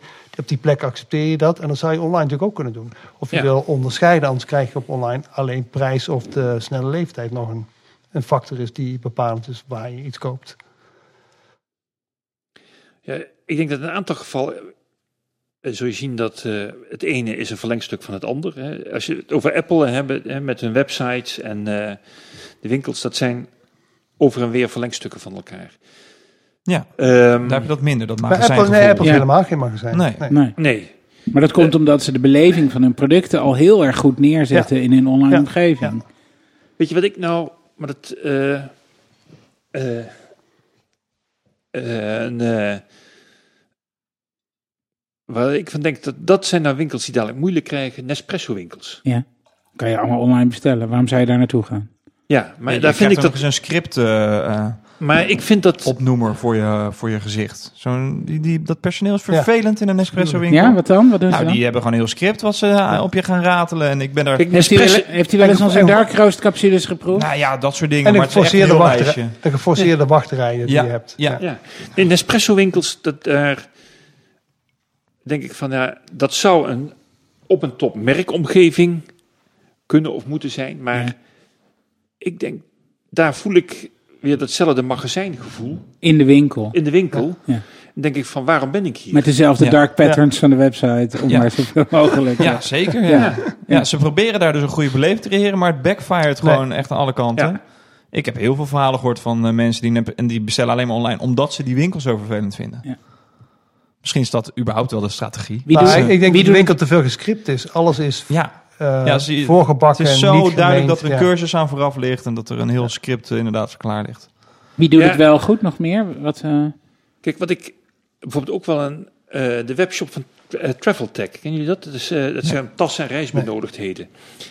En dat is een eh, winkel op, die ook gewoon reisverhalen vertelt. En eh, van, eh, waar, en dat is bijna een heel persoonlijk eh, ding waarbij eh, er een blog is eraan gekoppeld. Er worden hele, ehm, eh, ja, die weten verhalen t- te maken. En dat denk ik van, nou, die kunnen, ehm, die kunnen best een vergelijking met fysiek kunnen die aan. Die, daar zie je dat die hebben van beide geleerd. Want dat is natuurlijk uiteindelijk waar het in dit soort dingen gaat. Je koopt een speciale tas en ehm, eh, die ehm, je wil weten waarom of jij zo'n bijzondere tas eh, hebt. Of dat die op bepaalde manier in elkaar gezet is. Of, eh, Ja. En dat is natuurlijk waar je steeds meer naar op zoek bent. En dat is datgene wat die ene verkoper of verkoopster jou eh, weet te vertellen over... eh, of nou die slager is die vertelt hoe, of je die rollade klaar moet maken. Of dat ribstuk. Of, eh, Ja, maar bij de slager heb je nog wel het gevoel, daar koop je een ander stuk vlees dan bij een supermarkt. En dat moet bij die tas ook zo zijn. Als die tas gewoon bij Coolblue voor eh, der- 30 euro minder ligt, eh, dan, dan denk ik dat, die, die, dat de verleiding is groot om dan gewoon bij Coolblue Ja. die tas maar te bestellen. ja, want, Dus, maar nu zie je dat ze... Dit zijn eh, best wel exclusieve en bijzondere Ja, dus die tassen. zou je niet zo snel in een Coolblue of een Nee, eh, is geen bol, eh, generiek winkel- product. Nee, precies. Net Nee. als de Nee. slager, dat is ook geen generiek product. Nee, maar dat is denk ik het zoeken naar van eh, hoe gaat dat? En ja, generieke producten, die kunnen in een magazijn, maar dat is in een gewone winkel ook. Ja, maar dat, dat is, zit wel natuurlijk ook in de schoenen en in de kleding. Dat zijn vaak generieke producten. Eh, want ja, schoenenmerken heb je best wel op veel verschillende plekken zijn die te kopen. Zalando en eh, bij, ik weet niet, kan je bij eh, de Weekamp ook schoenen? Ja, Weekamp ook ja, schoenen. dus dat zijn allemaal dezelfde dingen. Bol.com. Ja, en die hebben allemaal dezelfde beleving. Maar ja, eh, bij Nike kun je je schoenen naar eh, eigen ontwerp laten, ja, klaar, en laten zit- maken. Weet je, dat is dan erin. Ja. Dus die laten zien dat ze ergens iets unieks eh, zijn. En, Ja. eh, en die experimenteren heel veel met eh, eh, kleine runs van producten. Ja. Die niet eens in de winkel Ja. komen. Ja. Dus als je echt een beetje een Nike-fan bent. Dan, eh, ik ken toevallig zo iemand. Die gaan dan, en dan zit er een teller op. Dus eh, over, over tien uur gaan ze in de verkoop. En dan weet je, er zijn er 10.000 en ze zijn binnen twee minuten verkocht. Het is best wel een grote groep mensen die eh, op basis daar. En dan, het is misschien wel uit schaarste gedreven. Maar dan creëer je wel meer excitement en beleving rondom dat koopmoment. Ja. Gadverdamme, koopmoment. ja, We hadden hier weer een heerlijk koopmoment. ja. Ja, weet je, het, uiteindelijk gaat het allemaal over hoe weet je nou op een bepaalde manier te verleiden of iemand aan te spreken. Of, eh, Ja, maar ook dat Nike-concept, dat zit hem niet in de, de, de, de, de digitale, de- zeg maar echt de webwinkel. Die is daar niet anders door of zo. Jawel, ik dat vind is gewoon een Nike pagina wel... waarschijnlijk met een afteller en dan hup, bestellen klaar. ja, het is een soort microsite ding. Ja, Ja. maar het is niet, eh, dus eh, net als in een fysieke winkel, je gaat erheen eh, om je vrije tijd een beetje door te brengen. Je laat je inspireren en je, je koopt iets met een verhaal erbij. Nou, ik vind dat Nike wel een van de weinige webwinkels heel veel aan doet. ik ken de webwinkel niet, maar Nou, als je bij, bij Nike, je, je golft, de Nike golf eh, eh, site of store is gewoon totaal anders dan van running of van eh, Ja. basketbal, baseball.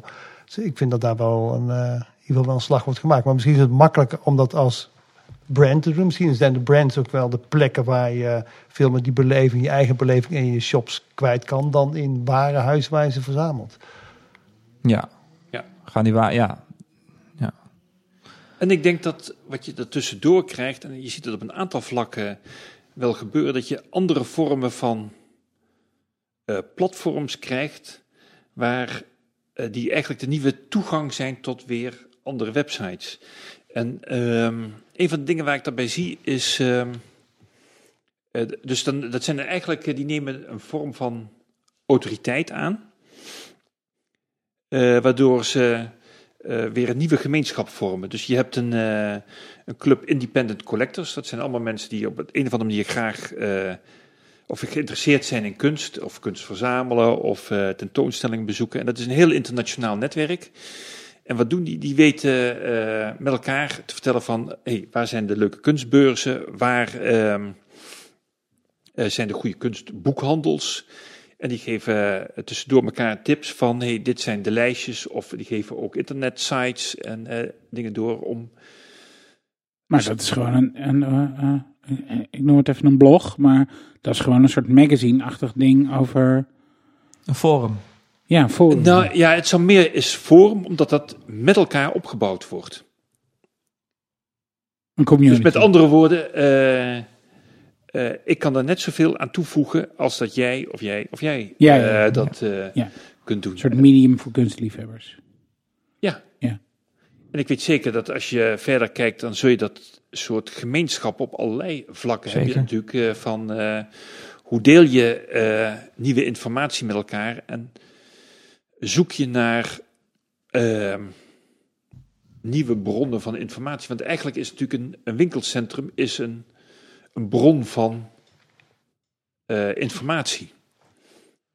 In de zin van, daar, kun je, daar ga je naartoe om Iets te beleven. iets te beleven, iets te kopen, eh, een gezellig dagje uit te hebben. Eh, je wil eh, ja, het, een hoeveelheid prikkels tot je.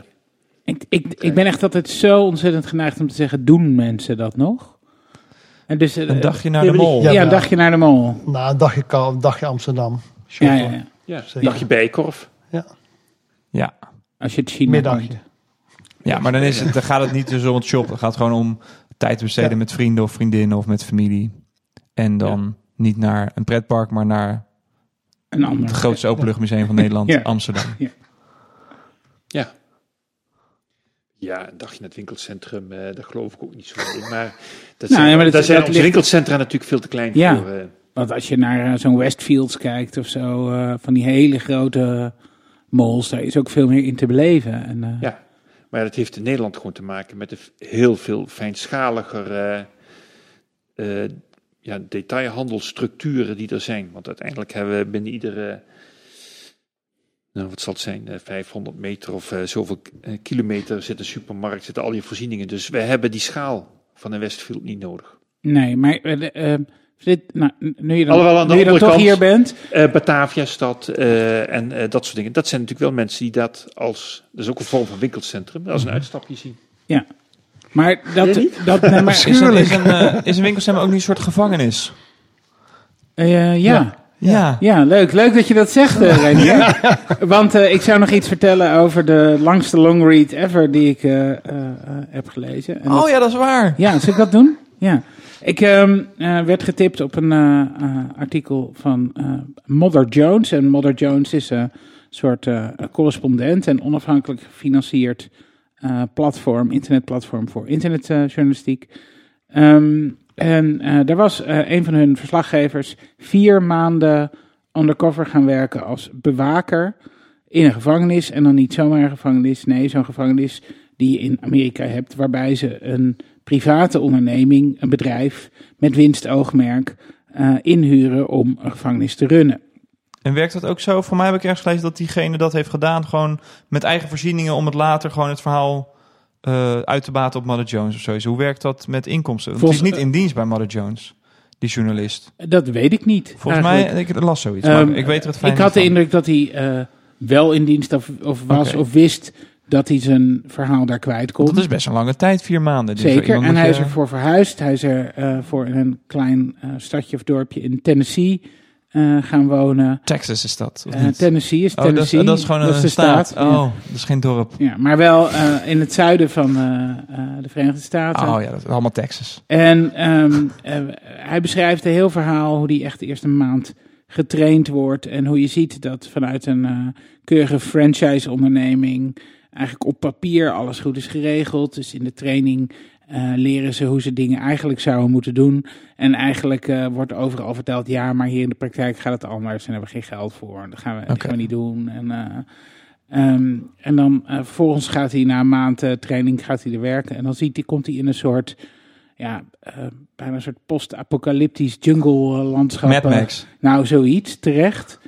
Eh, waarbij eh, in, die, in die gevangenis niemand zich houdt aan regels en procedures die ook bedacht zijn om het eh, welzijn van die gevangenen te waarborgen. Er zijn veel te weinig bewakers. Bewakers zijn overal vervangen door camera's, die zijn vervolgens stuk.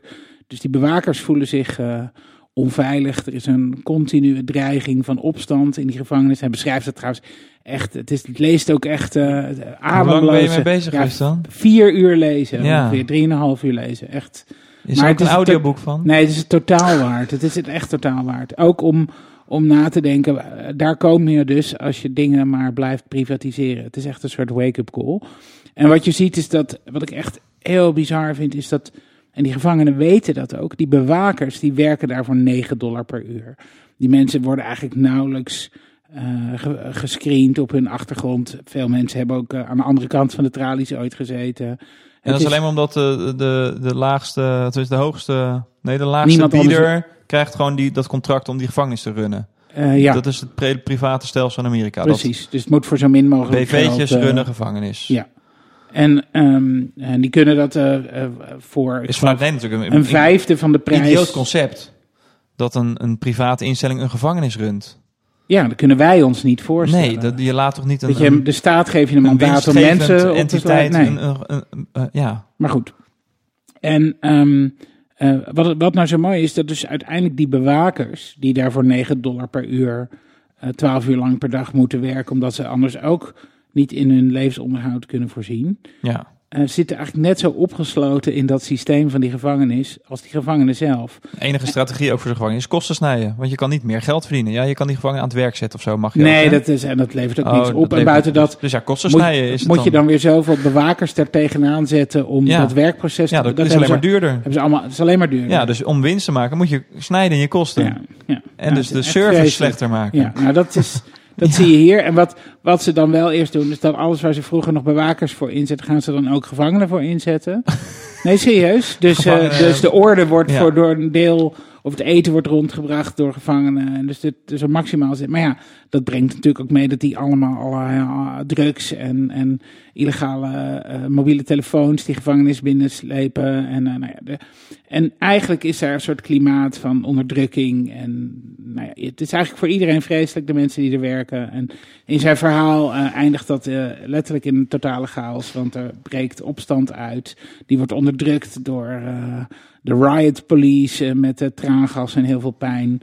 En ehm, eh, in die chaos eh, wordt hij bijna ontmaskerd. En dat, ja, want er komt een fotograaf die maakt dan aan de buitenkant foto's. Die wordt door de sheriff opgepakt. En dan opeens is het voor iedereen duidelijk dat er dus aan de andere kant van die muren ook iemand zit Ah, die meer weet. Ah. En dan vlucht hij en daar eindigt uiteindelijk het verhaal. Maar er zit, nou ja, zitten 86 dagen. Maar, maar Buiten het verhaal om is het wel heel interessant dat dit gebeurt. Mensen hebben altijd voorspeld van, nou, internet zorgt voor allerlei clickbait-artikelen en kort, het wordt allemaal korter en eh hapsnap. En dit is ineens een, een artikel van 80 pagina's of van vier uur lezen, je waar voor- vier maanden voor is gewerkt. fantastisch. En dat, Maar aan de voorkant had je ook een artikel van 90 pagina's volgens mij. Ja, en dat Gaat het op in Ja. een, gaat en dat heeft iemand gewoon geschreven eh, omdat hij zijn verhaal Ja, kwijt wilde. ja. Ja.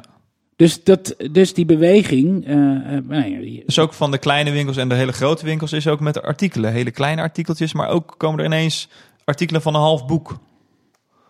De grootte van een half boek. ja, Dat was niet in een krant vroeger. Nee. Daar had je de ruimte niet voor. nee. Grappig hè? Dat Dus past dat, niet eens in een tijdschrift. Ja. Nou, ik, vond het, ehm, ik vond het heel leuk. En ik, eh, het, ehm, ik ehm, zei in de introductie iets over de podcast van eh, Alexander Klupping. En, en jij gaat zo nog wat vertellen over niet, andere hoor. podcasts. Of we daar tijd voor hebben. Maar de podcast van Alexander vertellen over Snapchat. Eh, Ja, is goed. Ja, Eh, nou, en Ernst Jan Fruit. En die hadden het onder andere over Snapchat. Snapchat. Ja, En, maar die hadden het ook over eigenlijk deze ontwikkeling.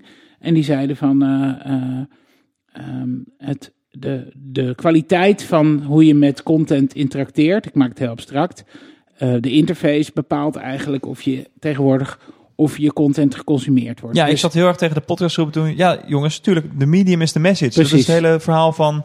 Het gaat niet per se om de content in het bericht, maar het maakt heel verschil of je een iets kijkt op televisie of op YouTube. Dat Ja. maakt het al een hele andere ervaring. Ook al is het hetzelfde filmpje wat je Zij ziet. gaven als voorbeeld eh, het NOS-journaal. Waarom Ja. kan ik daar nou niet... eh, eh, waarom is dat niet in, in segments opgedeeld? En kan ik niet, bam, als het me niet interesseert... eh, dat het over het carnaval en drachten gaat... waarom kan ik dan niet door naar het volgende Wil onderwerp? jij niet naar het carnaval en drachten kijken? Daar heb ik geen carnaval. Maar eigenlijk is dat wel, het is wel heel jammer dat dat gebeurt natuurlijk. Wat, dat wat Dat gebeurt? Jij, dat je gaat eh, skippen. Ja, dat je skipt en dat je dus... Maar dat is de realiteit. Ja, Nee, maar Nee, je dat zelf vind ik ook. Nee, dat je eh, filters instelt van ik wil niet het carnaval en drachten en zo. Ja. Wat ik echt, eh, ik ben een, eh, nog een echte papieren krantenlezer.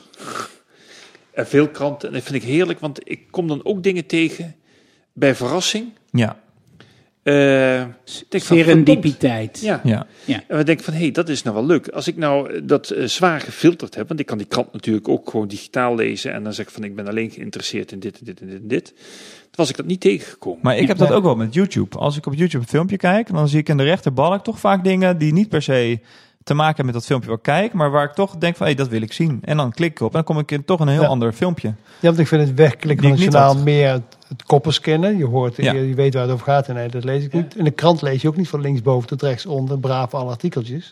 Je kijkt welke kop je aanspreken en dan ga je er dieper in.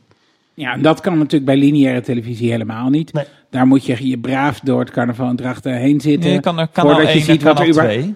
Jawel, maar je... Dan kom je op voetbal. Nee, maar hoe werkt het journaal?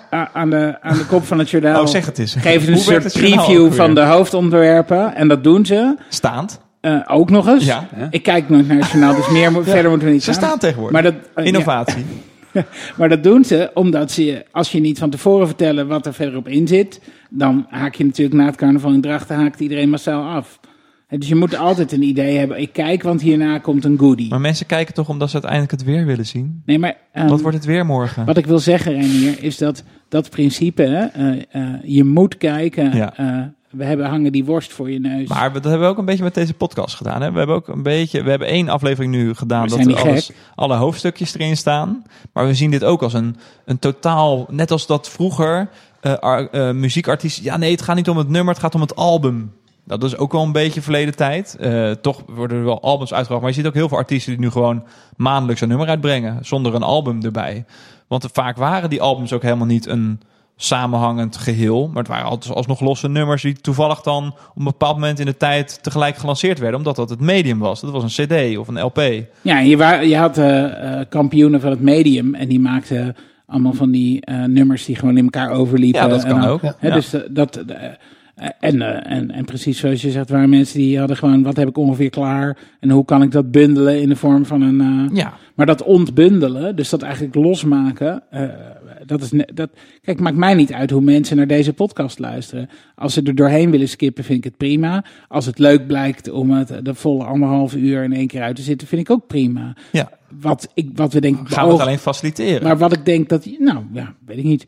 Ehm, wat we beogen is de soort van de long read onder de podcast te maken. Een gesprek eh, waarbij je soms dieper op dingen in kan gaan dan dat je in eh, 32 seconden Ja. kwijt kan. En dat is wat ik ook tegen de, eh, nou, ik wou bijna Snapchat cultuur zeggen, maar dat ging ik toch niet doen.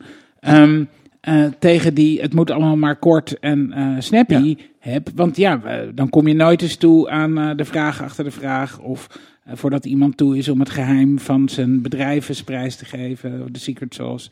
Daar heb je gewoon een langer gesprek voor Ja. nodig. En die context is interessant, vind ik. Ja, dat Ja. klopt. Ja. En, en Maar als je dan ondertussen afdwaalt naar iets anders, vind ik dat ook leuk. Want Ja, dan kom je nog eens in aanraking. Ja, Want we hadden het over een podcast, Ja. over media. Oké, goed, terug. Dus ehm, wat Ernst-Jan Fout en eh, Clipping zeggen, eh, eh, die hadden het over Snapchat. En je, wij hebben het al, volgens mij, acht afleveringen over Snapchat gehad, dat ik het niet begrijp. En nu weet ik waarom. Ehm, en dat is dat Snapchat is helemaal niet voor mij gemaakt. Ik ben al, heb ik goed mijn best gedaan, toch geen digital native. Ik ben, toen ik geboren werd, waren er nog geen eh, computers waar ik mee eh, geconfronteerd werd dagelijks. Die in je slaapkamer paste. Nee, en dus in, eh, ehm, in, in, mijn, in mijn digitale opvoeding moet je dus interfaces altijd zo maken dat je de gebruiker niet lastig valt. Nou, dat, maar dus frictieloos. Een, beetje een learning curve. het- dingen moeten zichzelf uitleggen. maar dat vind ik het leuk aan Snapchat wel. Dat zeiden ze, want het, het- je, moet- je kunt er dingen in ontdekken. Juist. Ja, niet Ja. alles is voorgekoud en gelijk duidelijk hoe het Maar- werkt. En, en dat, is, Ja. dat kan je dus eigenlijk doen alleen maar voor digital natives, die in principe niks hoeft te vertellen over hoe de basisinteractie van een app werkt. Ja, is- Snapchat werkt voor een groot deel precies zoals je erbij voorstelt. Maar dan vervolgens is er voor hun wat te ontdekken. En dat, dat, ja, daarvoor moet je wat dieper graven, moet je dingen uitproberen, moet je... Maar moet dat is ook wel mijn angst dat ik dat over 60 jaar als ik in mijn Ja. rolstoel zit en kwijlend. En dan zegt mijn kleinzoon hier, opa, heb je twee lenzen in je ogen? En dan knipper ik twee keer. En zeg nee, dat moet je niet doen. En dan zeg ja, je moet gewoon naar links en naar rechts kijken. En dan heb je een kopje koffie eh, gezet. En dan, ja, oh, en, eh, nu werkt het niet. Ja, nee, dan moet je even herstarten. En dat, oh, dat ik dat dan niet snap, hoe dat werkt. Volgens mij Ja, maar dat met- heb ik dus, sorry, dat Met heb ik dus nu al al. met Snapchat. Ja. Ja, maar volgens mij is dat minder met eh, digital native te maken dan met een leeftijd. Ik denk een bepaalde leeftijd klik je links en rechts en leer je alles wat je tegenkomt, zonder dat je Ja, dan durf je weet- dingen nog kapot ja, te precies. maken. En op een gegeven moment word je, word je wat eh, voorzichtiger en dan, eh, dan klik je op zaken waarvan Ja. je weet wat je kan verwachten. Ik denk dat het, het willen leren en fouten willen maken, dat dat meer in een eh, bepaalde levensfase zit. Sorry. Nou, ik geloof ook nog wel dat het nog wel even Ja. door kan gaan hoor. Ik vind het confronterend. Ja. Ja, maar dat zie je. gaat ook wel even door. Wat dat, dat rondkruipen en nieuwsgierig. Nee, eh, en dat leren en dat eh, gewoon doen. Dat Ik dingen anders worden. Ja, dat dingen anders worden. Ik Ja. zie dat aan mijn eh, schoonvader op leeftijd en niet zo makkelijk mobiel. Die in één keer eh, met grootste gemak internetshopper geworden is. En eh, al zijn boodschapjes en ik weet niet wat er overal en nergens vandaan weet te halen. En eh, eh, het, ja, waarvan die waarschijnlijk voorheen dacht van ga ik ooit via internet mijn boodschappen Ja. doen. Het is ook gewoon, ja, Met het grootste gemak de hele wereld naar hem toe haalt. Ja. Omdat hij denkt van nou, zo ben ik nog onderdeel van het geheel. Dat is toch leuk? En, en, En, dat is hartstikke ja. mooi. Ja. En hoe, maar is dat meer dan alleen zijn boodschappen? Of eh, hoe doet hij dat? Ehm, hij doet dat voor al zijn dagelijkse benodigdheden. En hij eh, gebruikt op die manier ook zijn nieuwe media om gewoon het contact met eh, Ja. eh, kinderen en kleinkinderen. En, de- te dat, is, dat is eigenlijk een manier waarop überhaupt mensen die wat minder mobiel eh, worden, natuurlijk veel langer gewoon thuis kunnen wonen. Het feit dat de, de boodschappen eh, wel gebracht kunnen worden. Ja. Ja. Dus eh, maak je me helemaal geen zorgen. Eh, iedereen evolueert gewoon met zijn omstandigheden mee. En als hij dan wel ergens naartoe gaat, neemt hij dan een Uber? Zou hij dat al doen? Of is dat een stap te ver weg? Ubercopter. Een Uberkot. Ja, daar had je het over. Ja, wat, is dat, eh, Joost, een Ubercopter? Nou, laten we, nou, het, het Ubercopter is al eh, iets wat, wat wat langer eh, rondhangt. Eh, Uber heeft, eh ik, in het begin van het jaar heb ik al iets gelezen over Uber, de Ubercopter in Californië. Maar dat was toen nog een beetje een exclusieve flight met de limousine naar de helikopter. En dan volgens mij voor 600 dollar per persoon kon je een leuk ritje maken. In mei was het op eh, een, een hadden ze een leuke stunt waarin je met je helikopter naar de, je, je filmset of naar je, je, je voorstelling kan worden gebracht. Ook nog steeds behoorlijk kostbaar. En natuurlijk ook om te laten zien dat je bij de jetset hoorde. Maar ze zijn sinds kort gestart in Sao Paulo om de, de Ubercopter ook echt voor vervoer als vervanging van de taxi te gebruiken om de compleet dichtgeslipte stad te ontwijken. En dan kan je van 20 tot 60 dollar per rit kan je Dat is niet zo duur. dat is niet zo duur. Nee. Eh, en op dezelfde manier als je je Uber bestelt. Je hebt natuurlijk wel eh, een stad nodig waar met ja. landingsplekken. Maar die heb je op, op, op eh, waarschijnlijk daar wat meer op hoogbouw. Kan je gewoon van de ene plek naar de andere vliegen. En ik vond het wel bijzonder dat je op die manier vanuit een heel exclusief vervoersmiddel dat heel dichtbij Dan kan krijg je brengen. toch die eh, dystopische toekomstbeelden van dat de, de rijke mensen hoeven niet meer af te dalen naar de... Nee, nou, niet de rijke mensen. Dit met, voor Ja. dit soort bedragen is het ook zelfs Ja, voor jou eh beschikbaar. Ja, maar in Sao Paulo liggen de lonen wat lager denk ik dan hier. En, dus daar verdienen de mensen geen 60 dollar eh, per dag. Ik, ik, eh, kom, eh, ik denk dat het, er vliegt één eh eh, Ubercopter alleen op vrijdag in eh Sao Paulo. En het is gewoon een Voor de dikke feestjes. vette marketing stunt van Ja. eh, Uber. Ja. Ik zie dat niet. Dat is Uber. niet Uber. Nee, ja, en, en, eh, want dan land je op de dak van een, van een wildvreemd gebouw. Alsof eh, overal daar de deur naar het trappenhuis maar open is. En dat je dan weer ergens komt. Volgens- hoe Ja, werkt dat, Joost? Hoe werkt dat, Joost? Het is gewoon... eh, je bent er gewoon beneden? ingetuind. Je bent er gewoon ingetuind in deze ordinaire marketing stunt. Oké. Misschien met je backpack, dat je naar beneden vliegt. Nou, Ja. nou weer een illusiearmer. Bedankt, eh, David. Graag gedaan. Renier, Ja? ehm, ehm, ben je toe aan de podcast recensies? Oh, nou, ik had dus gewoon eh, wat podcasts weer geluisterd. Ik, ik heb een eh, lange tijd naar de, Dan Carlin's Hardcore History geluisterd. Dat is een geschiedenispodcast en eh, die duren nogal lang. En dat was heel interessant, maar toen had ik geen tijd om naar andere podcasts te luisteren. Maar ik heb nu een interessante podcast geluisterd ehm, eh, van Recode. En daar was John Gruber te gast. En het ging vooral over hoe John Gruber werkt. Eh, een introductie voor mensen die John Gruber niet kennen. John Gruber is een blogger. Hij is, hij is, is met zijn blog al gestart ergens in 2001, 2002 of zo over Apple. En hij is uitgegroeid tot eigenlijk wel het, ja, de, de grootste autoriteit op het gebied van Apple nieuws. En dat doet hij helemaal in zijn eentje. Hij heeft een blog en een podcast. En daar kan hij, nou, ik kan wel zeggen, uitstekend van leven. Volgens mij, eh, een beetje berekening, haalt hij makkelijk 80.000 dollar per maand binnen met zijn blog en zijn podcast. Wat, zoveel? Ja, het, het- ja per medium haalt hij wel 40.000 dollar binnen per eh, maand. We kunnen Kijk. ook nog wel een sponsor gebruiken. Ja, zeker. Alleen, Redactie at... ik zou dat graag willen. Wat, wat John Gruber doet, zou ik graag willen. Maar het Nederlandse taalgebied is daar echt te klein voor. Dat, dat denk ik wel. Want je hebt niet alleen als voordeel dat je, als je Engels praat, dat je in Amerika iedereen kan luisteren. Maar de rest van de wereld kan je ook luisteren. Dat is het. Dus als je het in het Nederlands wil doen, dan wens ik je wel heel veel succes. Maar zoiets, zo iemand als John Gruber krijg je gewoon niet in Nederland, denk ik. en ik denk dat... Ja, we- Elzo Knol is wel een voorbeeld van iemand die iets in zijn eentje doet. Maar dat zit op een heel ander niveau natuurlijk. Qua... Nou, eh, ik weet niet hoe duurzaam het concept van Enzo Knol is. Ik denk over twee jaar, ik weet niet hoeveel nieuwe aanwas hij heeft aan. En, en de mensen zijn hem op een gegeven moment ook wel zat. Denk ik. Ik weet niet. Voor mijn gevoel is het niet zo'n duurzaam concept. Terwijl Gruber kan echt nog wel eh, tien jaar mee. En eh Grober ehm, is eigenlijk ook gewoon echt journalist. Terwijl dat is Enzo Knol is meer een Hij ziet zichzelf meer als columnist. Met een journalistieke inslag wel. Maar ja, hij is eh, ja, zeg maar een soort Apple-columnist die op zijn eigen platform dus dingen schrijft. En hij doet een podcast, eh, wat hij eerst met Dan Benjamin deed. En later is hij dat in zijn eentje gaan doen met steeds een wisselende gast. En ehm, eh, daar, ja, hij was de gast in een podcast. En daar vertelde hij over hoe dat allemaal is gekomen. En eh, dat hij op een gegeven moment gewoon een keer de duik heeft genomen naar het fulltime doen. Hij had het gevoel van, als ik dit fulltime doe, dan kan ik ervan leven. Maar ik kan er nu nog niet van leven, omdat ik het niet fulltime doe. Dus zoals kip-ei. En dan had hij op een gegeven moment besloten, oké, bam, nu ga ik gewoon het fulltime doen.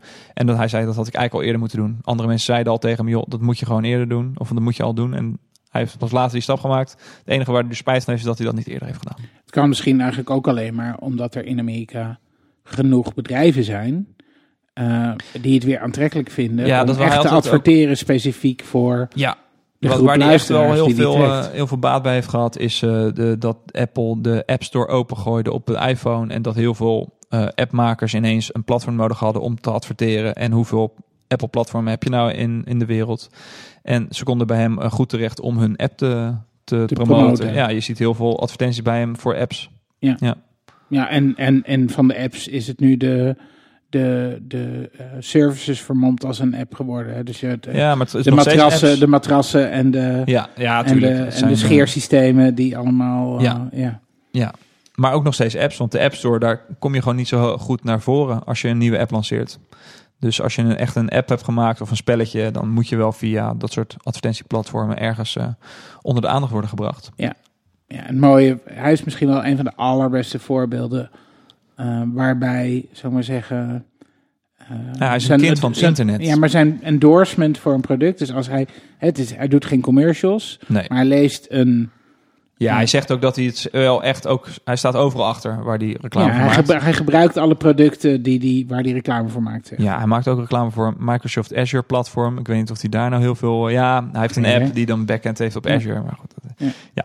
hij maakt ook wel reclame voor... eh, eh, Kortom, hij is super authentiek. Ja. Hij is zichzelf, hij is onafhankelijk en hij is in zijn eentje een goedlopend media-imperium. Ja, en in datzelfde nieuws heb ik een podcast geluisterd die al lang op mijn lijst stond. Die is niet nieuw, maar dat, dat is een, een interview met Dan Carlin. Dat, Wie- is, wie is eh, dat? is over de, de geschiedenispodcast. Oh ja. Die zit ondertussen al op 60, 65 eh, afleveringen van zijn geschiedenispodcast. En hij doet gemiddeld zo'n drie, vier maanden over één enkele podcast. Hij leest zich helemaal in en daar kan hij gewoon helemaal van leven. Ehm, hij heeft donaties en je kan oude afleveringen kopen. En eh, ja, dat is be- best wel groot. En hij wordt geïnterviewd door, eh, hoe heet hij ook alweer? Eh, Tim Ferriss Ja, van de Tim Ferriss Show. ja. En, ook altijd zo'n terugkerende gast in alle handen podcast. Ja, hij heeft de, de, het boek geschreven, The 4-Hour Work Week. Misschien heb je dat wel eens wat Nee. van gehoord. The 4-Hour Body, waarmee je in vier uur trainen per week een, een goddelijk lichaam creëert. Hij, hij eh, ja, is een interessante figuur. Ik eh, kwam niet door zijn 4-Hour Work Week boek heen. Ik vond het een beetje te Amerikaans eh, hoe dat begon. Ja. De eerste 30, 40 bladzijden.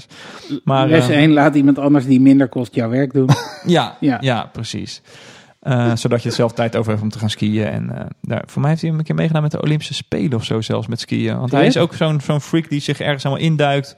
En dan eh, al- helemaal tot het uiterste gaat om iets voor elkaar te krijgen. Dat is eh, Tim Ferriss. Maar het was een interessante podcast met eh Dan Carlin. Over ook hoe hij dat doet. En eh, wat, wat de, de achterkant is van het maken van een podcast. Dus dit, dit zijn jouw twee podcast tips. Of had je er nog meer?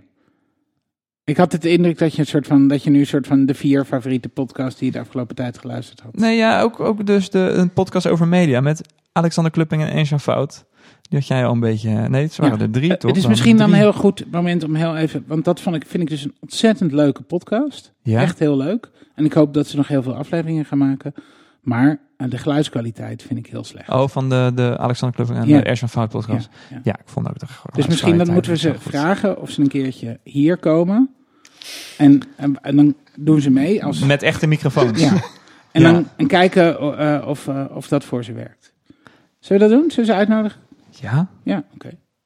Nou, let's do it. dan sturen ze een fax. Ja.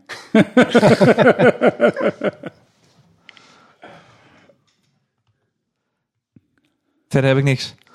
Echt niet? Ja, ik heb een heel lijstje, maar we gaan zijn toch geen nieuwsshow? Nee. Nee, bijvoorbeeld Google Plus is vijf jaar oud. Nou, wie gebruikt dat nog? Yay. Maar het- Ja. ja, blijkbaar bestaat het nog. Google is ook wel zo'n bedrijf wat gewoon dingen uit de lucht haalt als het niet werkt. Maar Google Plus, daar willen ze nog Wil wel maar- even een zetje gaat niet geven. dood, hè? Nee. Nee. dat willen ze nog wel een zetje geven, ja. En verder? Had je nog iets? ja, eh, ja Tesla, eh, Tesla heeft eh, op zijn automatische piloot een, eh, een slachtoffer gemaakt. Een Ja. dode slachtoffer, ja. Het is al overal eh uitgemeten. Maar ja, er wordt er heel veel nadruk op gelegd. Maar we kunnen ook eens kijken naar hoeveel eh, mensenlevens heeft het al gered. En, en die, daar lees je het over. Want dat kun je niet moeilijk bewijzen. Hoeveel mensenlevens de automatische piloot heeft gered. Dat is vrij lastig. Ja, En van wie? Ja. Van de bereider of van... Nee, in dit geval was het de bereider die inderdaad... eh, Eh, de, de Tesla eh, zag door het licht en eh, door bepaalde... Ja. Ja. Ja, ja, maar het Ja. is ook eh, te maken met als je onder een verkeerslicht doorrijdt, moet hij vanaf een afstandje wel kunnen zien dat het een verkeerslicht is en geen obstakel. Dus hij moet dingen herkennen waar hij onderdoor kan rijden. En het algoritme was door, door dat zonlicht, die, die trailer waar hij tegenaan is gereden, dacht hij dat het eigenlijk een ding was waar hij onderdoor kon rijden. Dat is uiteindelijk wat er gebeurd is. De Tesla is te hoog. Nee, te laag. Nee, ja, te hoog. Ja, het obstakel was te laag. En wat ik dan ehm, eh, las ik een artikel, eh, volgens mij gewoon in de krant.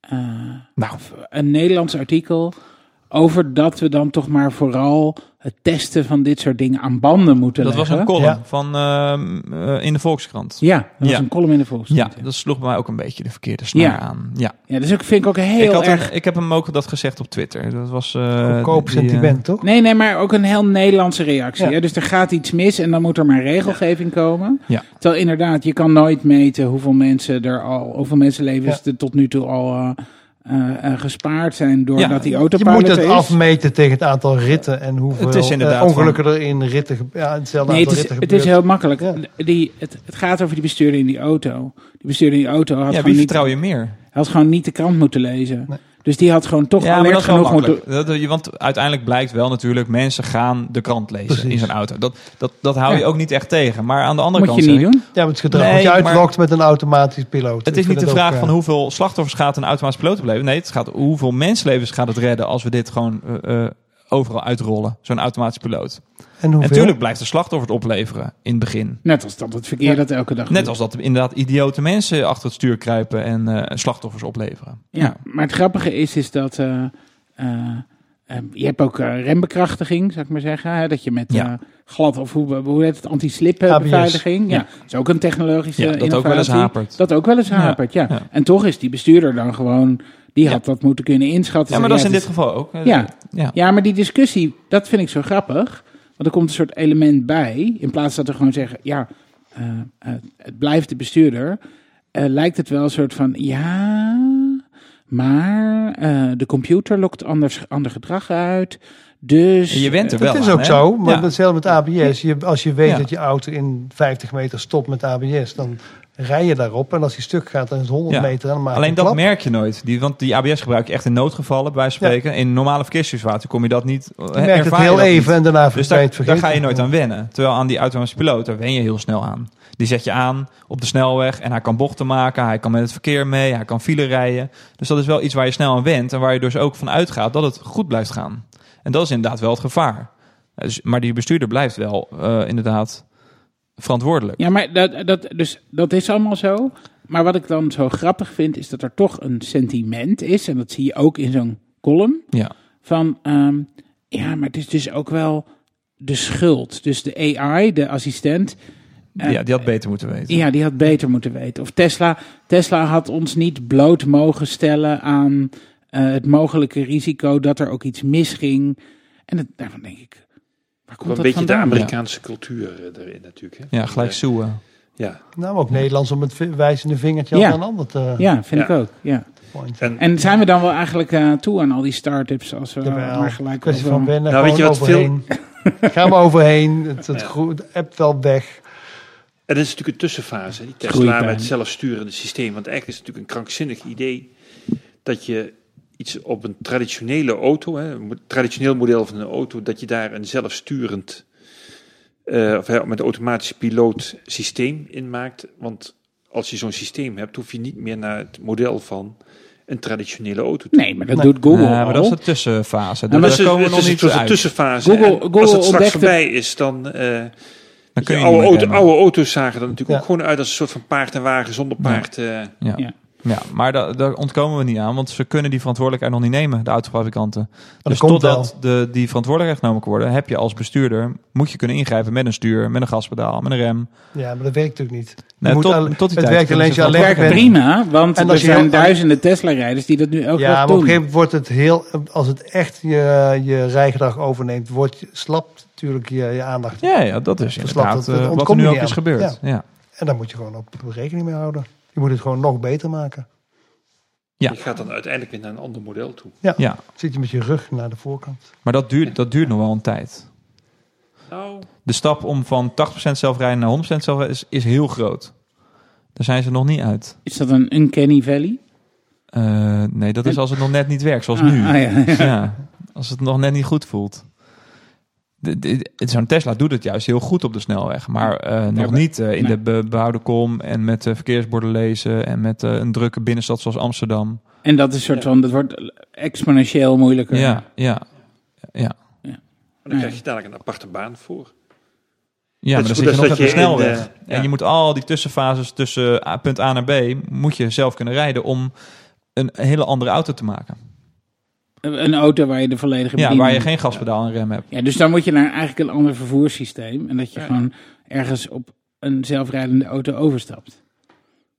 Ja, Hoe bedoel je? lekker Nou, ingewikkeld. Je gaat... eh, de, eh, dit zijn toch allemaal van dat soort eh, mooie ideeën over dat... eh, eh, als eh auto delen of auto huren per minuut à la Uber eh, zoveel aantrekkelijker wordt dan het hebben van een auto. Daar zitten we in Nederland heel ver vanaf, maar er zijn natuurlijk heel veel andere landen. Dus dan fiets je naar een station waar een zelfrijdende auto Nee, vertrekt. je neemt een Uber, een, een gewone met iemand bestuurde Uber, naar een knooppunt waar autonoom vervoer eh, eh, weggaat. Ja. Dat zou natuurlijk heel goed kunnen.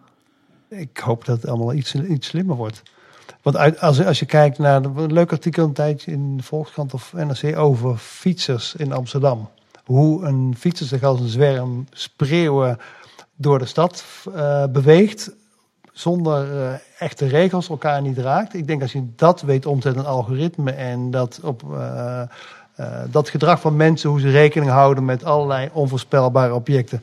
Als je dat in een auto bouwt, dan kan je volgens mij gewoon hier de binnenstad inrijden zonder Kun- iets te raken. Kunnen we dan het algoritme zo tunen dat het fietsers in Kopenhagen worden, waar iedereen heel keurig op elkaar wacht en een beetje Nee, ik denk rekening dat houdt dat, met dat elkaar. een, zelfvloekende auto is eigenlijk perfect hier. Een taxichauffeur die hier... Rot op, Ja, aan de kant.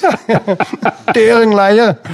hey, we zijn wel. eh, nou moeten we onze rating eh, veranderen Oh ja. voor deze podcast. Nee, dat hoeft niet. Nee, Niemand merkt niet? dat. Nee, er zijn geen Nederlandse, eh, Nederlandse Nee? controleurs. op dat Hoeven we dit er niet uit te piepen? Uit, weet ik uit oh ervaring. ja, oké. Kom wel goed. Beter voor de luistercijfers, toch? Hoger rating. Nee, want je wordt niet gefeatured dan. Pas op. Hmm. Vond je het leuk om aan mee te doen in deze podcast, Freek? Ja, ik vond het heel leuk. Is er nog iets wat je eigenlijk graag had willen vertellen, maar wat je nog niet hebt kunnen vertellen? Wel- ik moet zeggen, dat er een behoorlijke diversiteit aan onderwerpen voorbij Ja, dat, dat Aan we leuk. diversiteit kan ik nog wel wat toevoegen, maar ehm, nee, jullie hebben ook maar weer op nieuwe ideeën gebracht en eh, in een wereld eh, meegenomen die eh, voor mij ook nog van heel veel, heel veel nieuwe dingen in zitten. En met welke takeaway ga je dan weg? Nou, ergens begonnen we over de ongeremde nieuwsgierigheid die ontwerpers moeten hebben. Nou, daar is weer een stukje aan toegevoegd. Mooi. Dankjewel voor dit leuke gesprek. En, Dankjewel. eh, Tot de volgende keer. Dit was Glitch. Ehm, eh, ehm, eh, als je ons eh, wil weten waar je ons kunt vinden, je kan Renier vinden als eh Renier of via zijn geweldige nieuwsbrief eh, 82%.nl.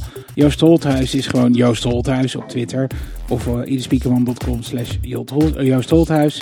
Eh, je kunt mij vinden als eh David Linsen op Twitter ehm, en, ehm, of op eh, LinkedIn. Ach, Google en je vindt ons. Het is heel simpel. Vind je Glitch leuk? Laat het dan vooral weten in de iTunes ratings. Raad het je vrienden aan. Wat is de website van Glitch? Glitch.show. Ja, www.glitch.show. Ja, glitch.show. En als je ons, en dat vinden we echt heel leuk, eh, eh, mail ons redactie.glitch.show. We hebben ook een formuliertje? Ja, op, dus voor Op de fanmail. het is heel site. makkelijk. En eh, je mag ook eh, ons eh, tweeten, want daar zitten we eigenlijk. Dus dat cover art is van Linda Tettero. De muziek is van Big Orange Music. En eh, eh, de podcast wordt ook deze week weer mogelijk gemaakt door Eden Spiekerman. Wie? Eden Spiekerman.